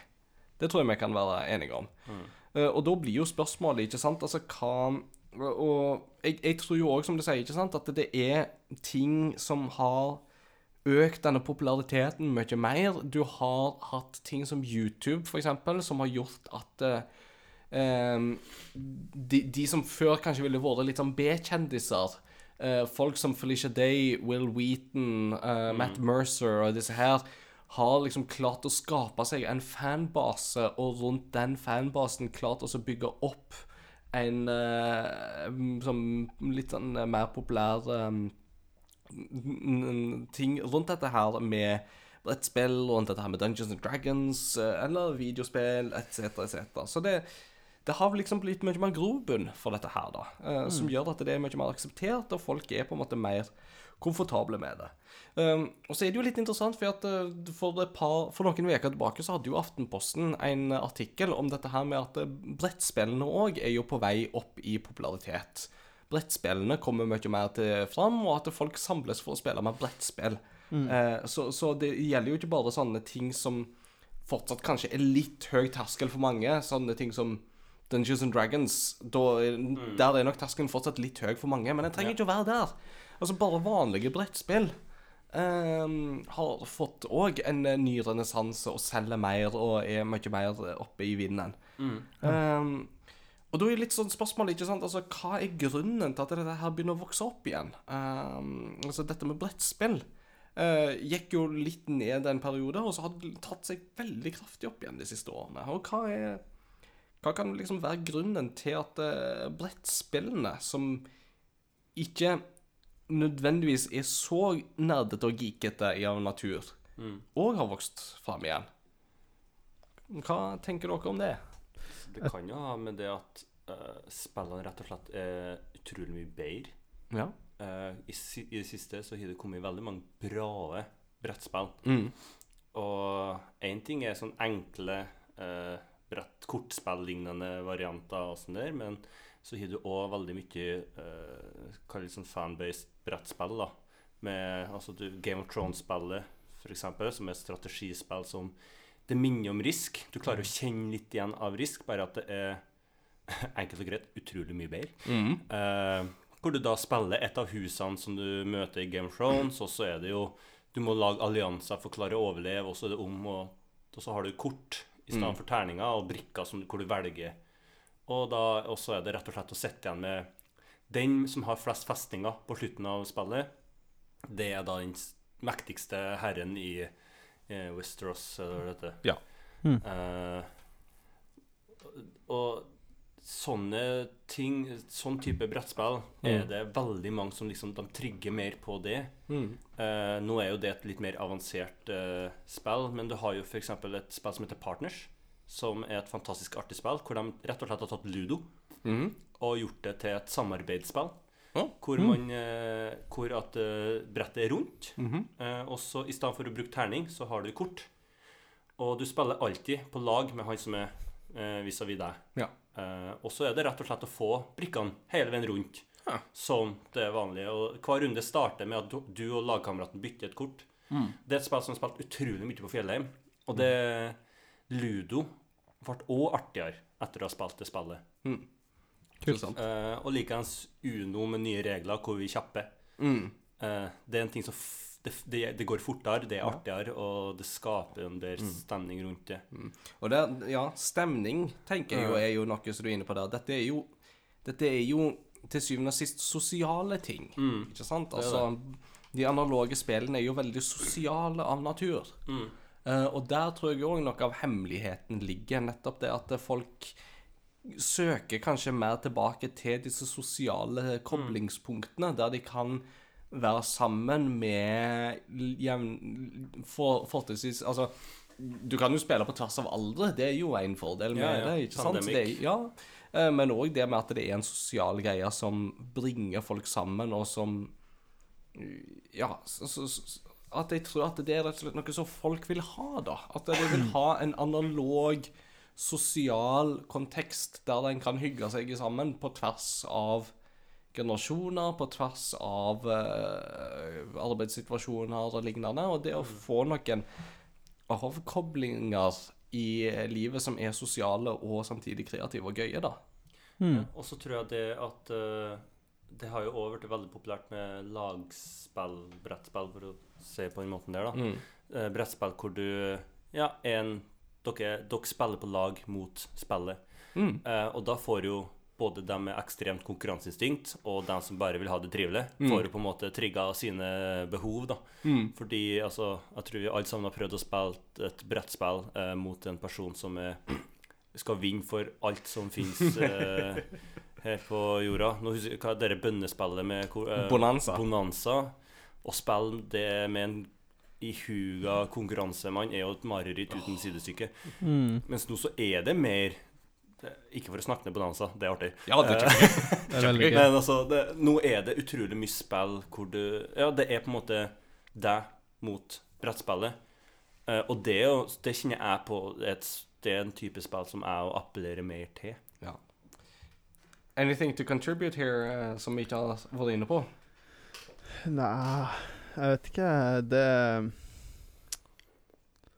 uh, Jeg syns jo at, eh, at eh, det er Dere er jo inne på kjernen, syns jeg, med at liksom folk Det er sosialt, og folk ønsker å gjøre noe sammen.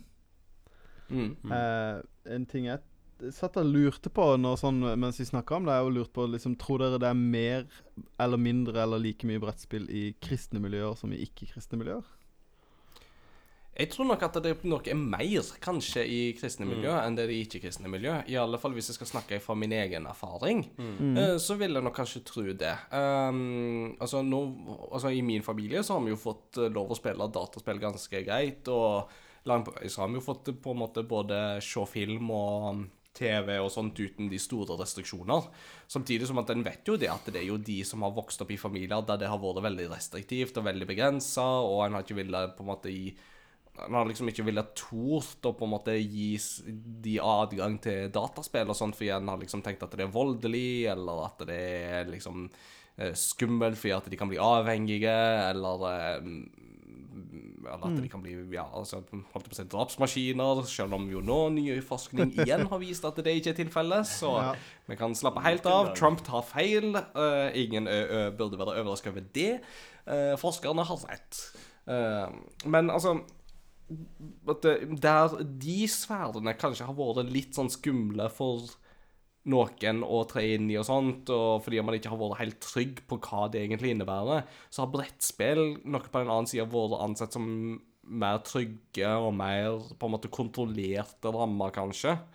Eh, men òg mer forutsigbare rammer, og ikke minst da at det er ofte familieaktiviteter, ikke sant, som jo er viktig i den type miljø og i den type um, kontekster som, som, som vi er vant med og vokst opp med. og og, og sånt, Så jeg tenker jo det at det er kanskje òg et um, Kanskje er det mer av det, i alle fall ut ifra min erfaring, så er det nok mer av det. Og at jeg tror at det er knytta litt til de tingene der, da. Ja. Jeg, jeg tenkte på liksom at det på en måte Jeg tenker mer sånn i vår situasjon, da.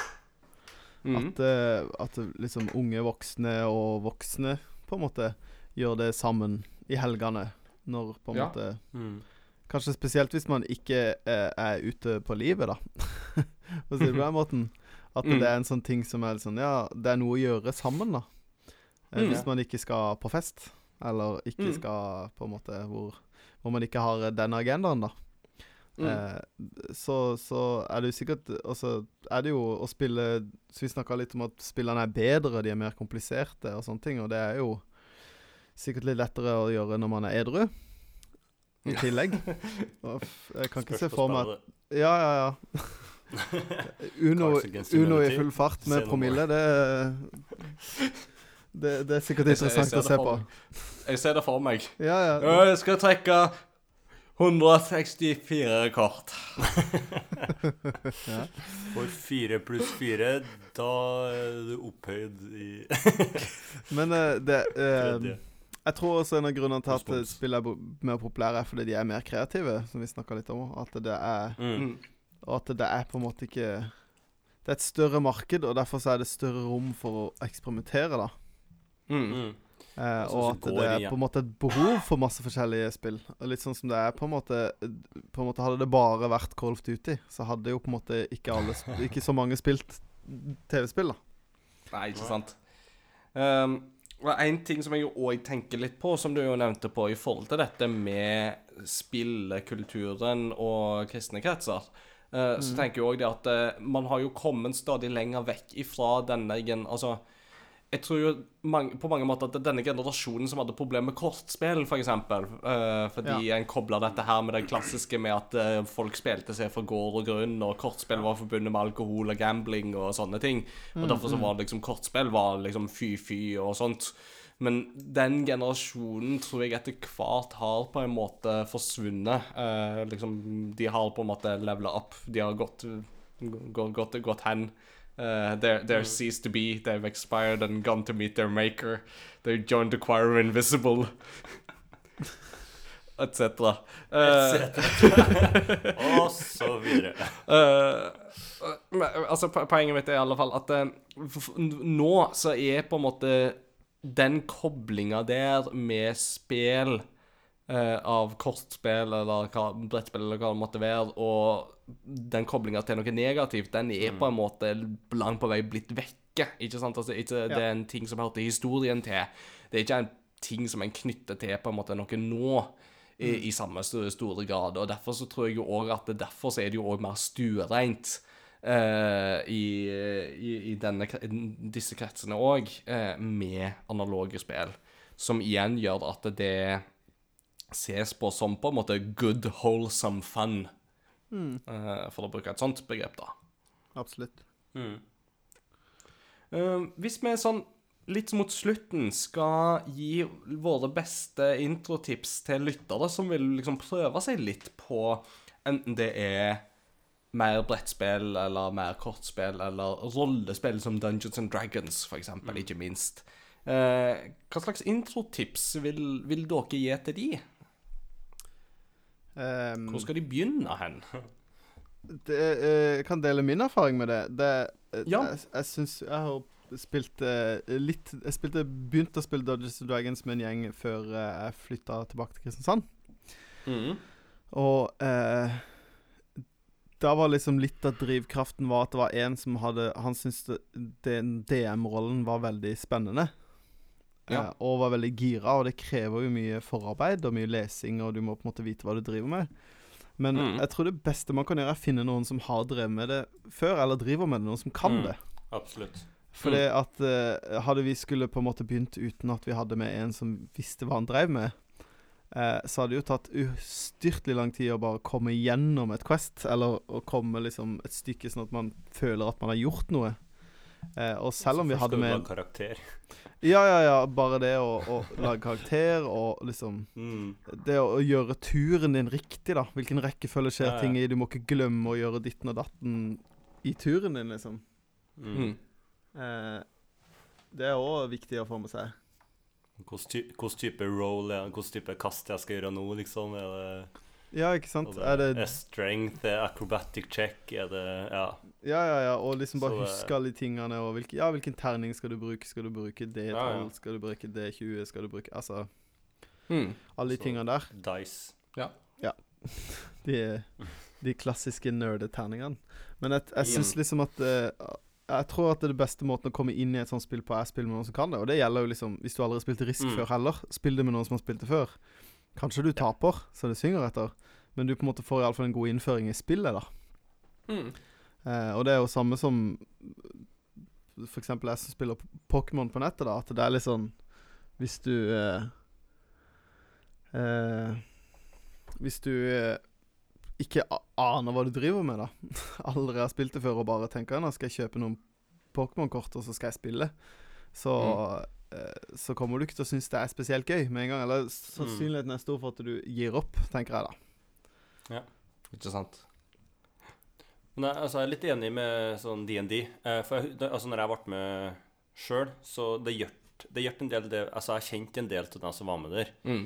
Eh, og Eirik uh, hjalp meg med å, å fikse en karakter. Mm. Eh, så det Altså, hadde jeg skulle gjort det alene Altså, det For det første, min engelsk er ikke kjempebra, Jeg ikke noe skal lese den. Så, da, så, så det å kunne få noen til å hjelpe til å lage en karakter først Og de to første gangene jeg spilte DND, jeg sa mest ikke en skit. Det, det, det jeg snakka mest om, det var hvilke angrep jeg skulle gjøre. For jeg, jeg, det er liksom det å klare å komme inn i uh, den, den verden. Skjønne litt Å ja, du, Altså Jeg setter meg inn i karakteren, og så er det egentlig bare alle mulighetene i, en, i en vanlig verden. Ja. Pluss magi, og det annet digg. Eh, så det er liksom det å klare å Så hvis du prøver en DND, bli med minst tre ganger. Ja. For da, det er da det begynner å bli artig. Mm. Um, Enig i det. så det, det tror jeg er en sånn viktig, Ja. viktig greie. Mm. Og ikke bare gi opp med en gang. Nei. Fordi, ja Ehm, jeg òg vil slenge meg på de tipsene der. Eh, jeg vil komme med et par eh, tips sjøl. Um, ene er YouTube. YouTube har veldig mye ressurser når det gjelder dette med brettspill og rollespill. Eh, Critical Role er jo et eh, godt sted for de som vil ha Dungeons and Dragons eh. Og der finner du Det er jo en eh, Det er jo blant annet leder av Matt Mercer, som jo er stemmeskuespiller, som blant annet er kjent for stemmen til McCree i Overwatch, for å nevne noe. Meget god opplevelse. Og just, Matt Mercer er jo en kjempedyktig dungeon master. Mm, Eh, og veldig artig type på mange måter. Så så eh, Critical Role samler en del sånne stemmeskuespillere, uh, og så er det de som da sitter Altså, er liksom når de samles, og så har, spiller de gjennom eh, Dungeons and, Dungeons and Dragons har en campaign så de går gjennom der. Veldig, veldig artig. Eh, Geek and Sundry er jo en annen YouTube-kanal som jeg vil anbefale. De er, tar for seg en del brettspill og sånne ting. Det er jo Will Wheaton, som er blant annet eh, en primus motor for Geek and Sundry. Um, eh, så han òg er jo en eh, sånn skikkelse sånn, Noen vil kalle han B-kjendis, ikke sant? men innenfor på en måte nerdekretser, da, på en måte nerdekulturen, så er jo han en, mer enn bare en B-kjendis. liksom. Han har jo etter hvert på en måte bygd seg opp et navn og et renommé innenfor det området der. Uh, og Will Wheaton er jo et sånn household name for mange, sånn, for sånne som oss. eh, da, mer enn det. Altså, jeg, jeg kan mer om Will Wheaton enn jeg kan om Petter Northug, for å si det sånn. Så Jeg er ikke helt der, da. Nei, du er ikke helt der, men du, du har en fot i begge Så leirer. vi kommer fra samme kommune, jo, så det OK, ja, ja, det, så det er greit. Det, du, er, du, er, du er unnskyldt. Takk. Eh, så, så YouTube har mye ressurser som jeg på en måte mm, kan begynne med. Eh, det andre jeg vil anbefale, er jo det som eh, du var inne på. ikke sant? Altså, Vær med noen som kanskje har gjort det litt før, hvis du skal prøve deg på noe sånt. Um, um, hvis du skal begynne deg på et nytt brettspill, så prøv gjerne på en måte å se om eh, det er noen du kjenner som har spilt det brettspillet før. Eh, og en ting som jeg òg har opplevd, som er veldig effektivt, er at hvis alle du, du skal på en måte OK, nå skal vi spille et nytt brettspill. Så finner du en instruksjonsvideo på YouTube, så sender du til alle andre, og så sier dere at alle skal se denne videoen før vi samles. Ja, er For da har alle fått en liten innføring i hvordan dette spillet funker. Eh, og da er det ofte sånne videoer på kanskje 15-20 minutter eller noe sånt, som du ofte finner for å gi folk en introduksjon. Men da slipper en å forklare det helt 100% for scratch fra, for absolutt alle sammen. Eh, så det er veldig nyttig. Um, og det tredje er det at um, avtal gjerne med noen venner som du har, at dette er noe dere skal gjøre i lag. For eksempel finn deg en gjeng på to, tre, fire venner, der dere liksom sånn En gang hver 14. dag så skal vi samles, og så skal vi spille brettspill. Um, og ofte skal vi Og vi skal være um, villige til å prøve nye brettspill. Uh, det tenker jeg kan være på en måte en god løsning og en uh, god formel som kan funke for veldig mange. Um, ja.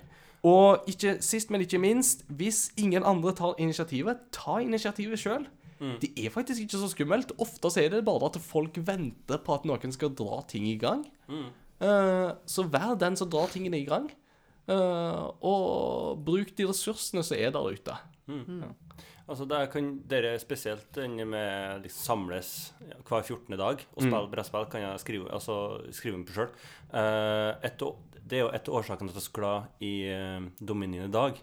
Det er når jeg var aha, andre, tredje året her på Fjellhaug, eh, så var vi en gjeng som vi kalte Dominion-frokost. Ja, ja, ja, Eh, stemmer så det. Det hver, det, ja. hver lørdag så samles vi på eh, et ene kjøkkenet på internatet.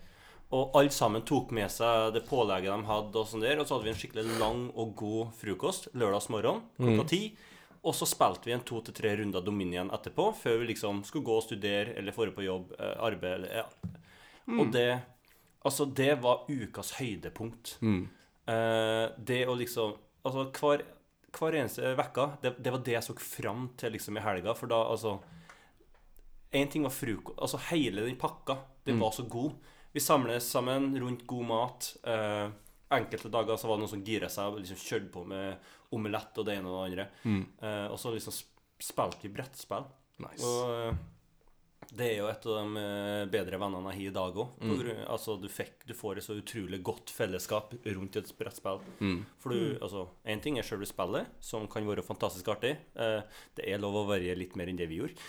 Eh, men altså, du, du skaper et sånn fellesskap òg, for du, altså, du snakker jo om andre ting i tillegg. Ja, ja. Ikke sant? så det blir jo nesten som en sånn snakkegruppe. Ja. Nå sto det stille hva det het, men anyway. Samtalegruppe. Så, ja. Nei, Det var nært nok. uh, jeg bare kom på litt sånn i avslutningsmessig, så tenkte jeg jo på at uh, Mats Jakob, i pausen så nevnte du noe om Hyperion. Ja. Uh, ville du slenge inn noe om det? Jeg vil slenge inn noe om det. Og det følger med en mi liten eh, historie òg. Men eh, for de som ikke vet, da, så er Hyperion det er Norsk forbund for fantastiske fritidsinteresser. Ja. Eh, og eh, beste måten å beskrive det på er egentlig frifond for eh, nerds. Mm. Eh, og det her står det at eh, Hyperion bruker begrepet fantastiske fritidsinteresser om de interessene vi representerer. Hovedinteresseområdet blant omfatter bl.a. data, rollespill, live, brettspill, fabelprosa, miniatyrspill og cosplay. Ehm, og det, eh, Grunnen til at jeg vet om det, er fordi at det, meg og når jeg studerte, så jo, hadde jeg en lignende greie som vi snakka om. Vi samles eh, Vi samla oss eh, ja, ca. hver 14. dag i begynnelsen. Da hadde vi jo masse tid og var single og, og fri. Eh, Mm. Og spilte Settlers, Settlers of Catan. Mm. Eh, og ehm, eh, vi oppdaga Hyperion og fant ut at eh, du måtte være fem stykker for å starte en forening, og da fikk man eh, Fikk man da pengestøtte for å drive da en, en, en brettspillklubb. Mm. Eh, så vi danna da Kristiania konservative settlersforening. Eh, eh, og det var da meg og eh, noen teologer eh, som starta det. Og så spilte vi masse. Fine folk, teologer. Ja, det er flotte folk. Eh, og poenget var at vi fikk jo da penger til å kjøpe inn eh, utvidelser til Settlers. Eh, vi eh, reiste på turer. Vi reiste til Han ene som var med, han studerte i Cambridge. Eh, så Ja. vi reiste til Cambridge og spilte eh, runde med Settlers. Wow. Eh, og, og da brukte sant? Altså brukte på en måte de pengene på klubben vår, da. Mm. Eh, og vi reiste til Cambridge, Bra. og vi reiste Og så etter hvert så spredte vi oss litt for alle vinder. Og så reiste vi en tur til Sveits og leide en liten hytte der. Og så satt vi og spilte i de sveitsiske alpene. Uh, og wow. på en måte Ja, det var kjempegøy. Og, og vi, reiste, vi reiste jo ikke Vi kjøpte jo billettene sjøl sånn, men vi hadde jo litt penger i, i foreningskassa. Mm. Som vi kunne leie hytte for og, og sånne ting. Sånn at uh, eh, Det er jo på en måte litt sånn derre eh, Jeg tror ikke Hyperion er så kjent. Og at hvis du har en eh, eh, eh, Si du har et Overwatch-lag, da, så kan du søke om penger. Og det gjelder jo Mm. kanskje litt yngre, da. Man, man må være 25 eller yngre. Så det gjelder jo ikke for oss nå. Men eller hvis du er 18 og har lyst til å starte en DND-klubb, så kan du få penger til å kjøpe monstermanualer og kjøpe Altså du kan få ressurser til å kjøpe de tingene, for noen av disse tingene kan være veldig dyre. Det er kan, sant. det kan være dyrt å kjøpe nye brettspill hver 14. dag. Så sånn, de er jo, det, det er dyrt med sånne ting. Det er dyrt. Mm. Eh, men det, det jeg må si om Kristiania konservative settlers eh, forening, var jo at eh, jeg, var, jeg har vært med det, er vel- det er vel snart ni år siden vi starta. Eh, og det tok Mhm. åtte år før jeg vant. Så jeg var, med, jeg var med og spilte i åtte år før jeg klarte å vinne én runde i settlers. Wow. Eh, og det er litt Det er fordi at eh, jeg spilte med utrolig smarte folk. Men eh, Mm. Og så litt av grunnen òg er at eh, vi eh, Vi begynte jo etter hvert å bli lei av de der eh, scenarioene som står i manualen, så vi begynte å lage våre egne scenarioer. Og så begynte begynte vi å lage egne regler. Sånn at hvis jeg skulle spille Settlers med noen, nå, så hadde jeg sannsynligvis blitt frustrert over regler som Som ikke Som ikke de spiller med, men som vi spilte med, men som vi var helt nødvendig fordi vi blanda utvidelsene og tok med det element Mm, fra det. Og når vi f.eks. når vi var i Sveits, så så lagde vi på en måte Sveits, og hadde da eh, Kunne ha sveitsiske leiesoldater fra. Vatikanet. Kunne du leie inn Altså på en måte ratte det til, da. Nydelig. Eh, og bruker da en kveld Brukte da Brukte vi en kveld på å sette opp rett og bli enige om regler, og så brukte vi neste kvelden på å spille. Og da tar det gjerne fem-seks timer å spille, da. Mm. Nydelig.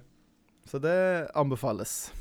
Så Hyperion, eh, for dere som er litt yngre, eller dere som er eldre òg, hvis du f.eks. har lyst til å eh, danne en DND-gruppe, eller du lager ditt eget Quest, så kan du få støtte til å ha kurs i, di- i Mm. Dungeons and Dragons. Altså hey. som, er, skal, som i teorien da skal være åpent for alle, men at du eh, Du kan få eh, en del penger til å liksom bruke tid på å lage en greie, og så ha kurs. Ja. Um, Så det er absolutt Sjekk det ut hvis du driver med de tingene, og se hva du kan liksom Hva du kan gjøre. Det er mange muligheter, folkens. Så det er bare å gripe det og snus litt på mulighetene. Og som, som, som du er inne på, det er muligheter for å få litt økonomisk støtte for dette her òg, så det er absolutt verdt å vurdere. Kult. Jeg har ikke hørt om det før, så det var dumt for meg. Nei, jeg har sett Hyperion på eh, litt sånn spillekspo og så, sånne ting, så de er jo ofte til stede på en del sånne messer og sånt og reklamerer. Så ja. Men de fungerer akkurat som frifond, så det er, du søker om Mm. støtte til ting, da. Ja. Nice. Veldig bra, gutter. Nå har vi snakka godt og lenge om eh, disse tingene her. Og jeg mm. tror da at eh, vi har vært innom Jeg syns iallfall vi har vært innom en del interessante ting. Så det Ja. håper jeg at lytterne våre òg synes. Så kanskje, kanskje noen blir litt inspirerte òg nå til å liksom ta en sånn Invitere på god gammel brettspillkveld i eh, vinterferien eller påskeferien eller whatnot. Og Så da er, nå, Sant, så- liksom, da er jo Da var det veldig men, mål og mening med episoden, hvert fall. Hvis det er Ja, faktisk da, resultatet av den episoden her. da har vi gjort vårt, vet du. Så. Yes. Jeg ble Med gira det så har sjøl. vi kommet hm? Jeg ble gira sjøl, jeg. Ja, Samme her. Så eh, på tide å invitere folk på en eh, runde med Mystery of the Abbey, sånn at jeg kan eh, stille de eh, spørsmålet i eh, messesang. Det, gjerne livestream det. Vi tar- en livestream på det, Ingar. Ja. Ja. In Ingar spiller eh, Mystery of the Abbey. Han, han framfører plain song selv når han ikke må. Høres bra ut. Skal spille brettspill i morgen, så det blir bra, det. Ja, nice. Mm. Ja, jeg er jo invitert, jeg òg, så kanskje jeg må bli med nå. Eh, så, Ja, jeg må ja. er plass. Anyway. Uansett, vi har kommet til neste ledd i, eh, vårt, eh, i vår faste liturgi, som da er dagens kuriositet. Um, Mats Jakob, har du fått tenkt litt på eh, kuriositetene? Ja, det, øh, det blir en sånn mikrokuriositet, eller iallfall noe jeg syns er veldig gøy. Men det er eh, rett og slett ifra spillet Munchkin. Ja. Eh, Som er da et eh, Som vi snakka litt om, er et kortspill som er en parodi på rollespill, hvor du møter monstre, og så eh, Munchkin går ut på å være så egoistisk som mulig. Eh, mm. Så hvis du eh, kan hjelpe noen, men for din, e- det, er- det jo da kun for egen vinning, så gjør du det. Hvis Mm. ikke, så prøver du å ødelegge. Og da er det en Mm, del kort som kan gjøre ødelegge ting. Eh, og da er det da eh, eksempel ehm, eh, eh, kort som gir på en måte Utvider navnet og eh, evnene til monsteret. Eh, hvor da du f.eks. har eh, Du kan ha en fungus, som er da en sopp. En Mhm. muggsopp. Og så har du da en enhancement som heter humangus, så du får en humangus fungus. eh, eh, og så kan du også få en humangus fungus with bagpipes.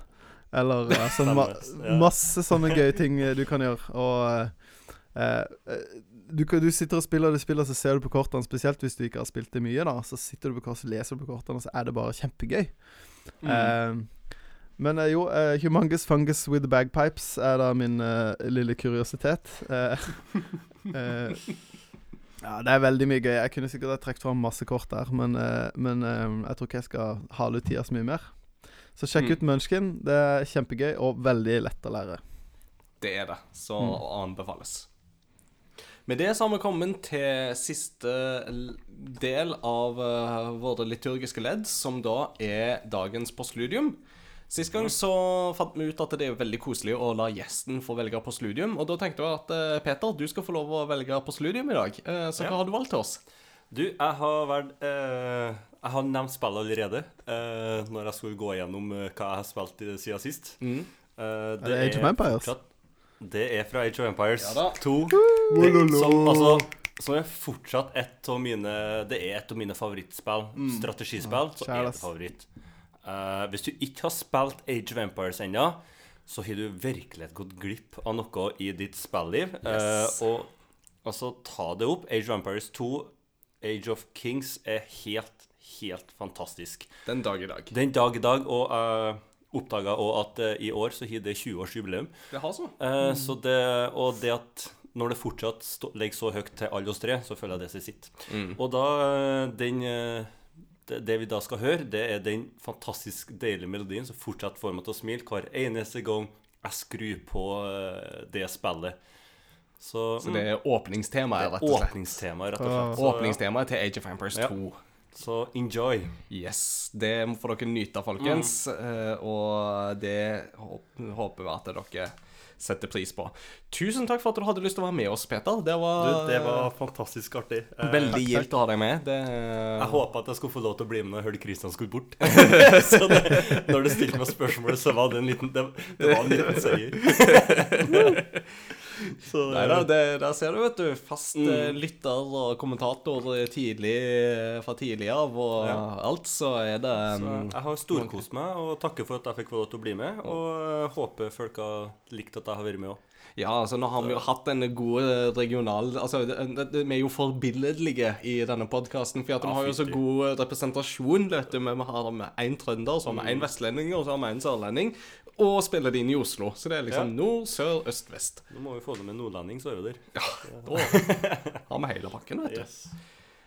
Med det så har vi kommet til veis ende i um, dagens eh, program. Uh, vi snakkes igjen om eh, to uker. Da vil Kristian være tilbake og har sikkert mye gøy å fortelle uh, til oss fra Japan. I mellomtida så håper vi at folk finner seg noe gøy å spille, enten det er digitalt eller analogt. Vi snakkes ved neste korsvei. Ha det bra! Ha det. Ha det bra.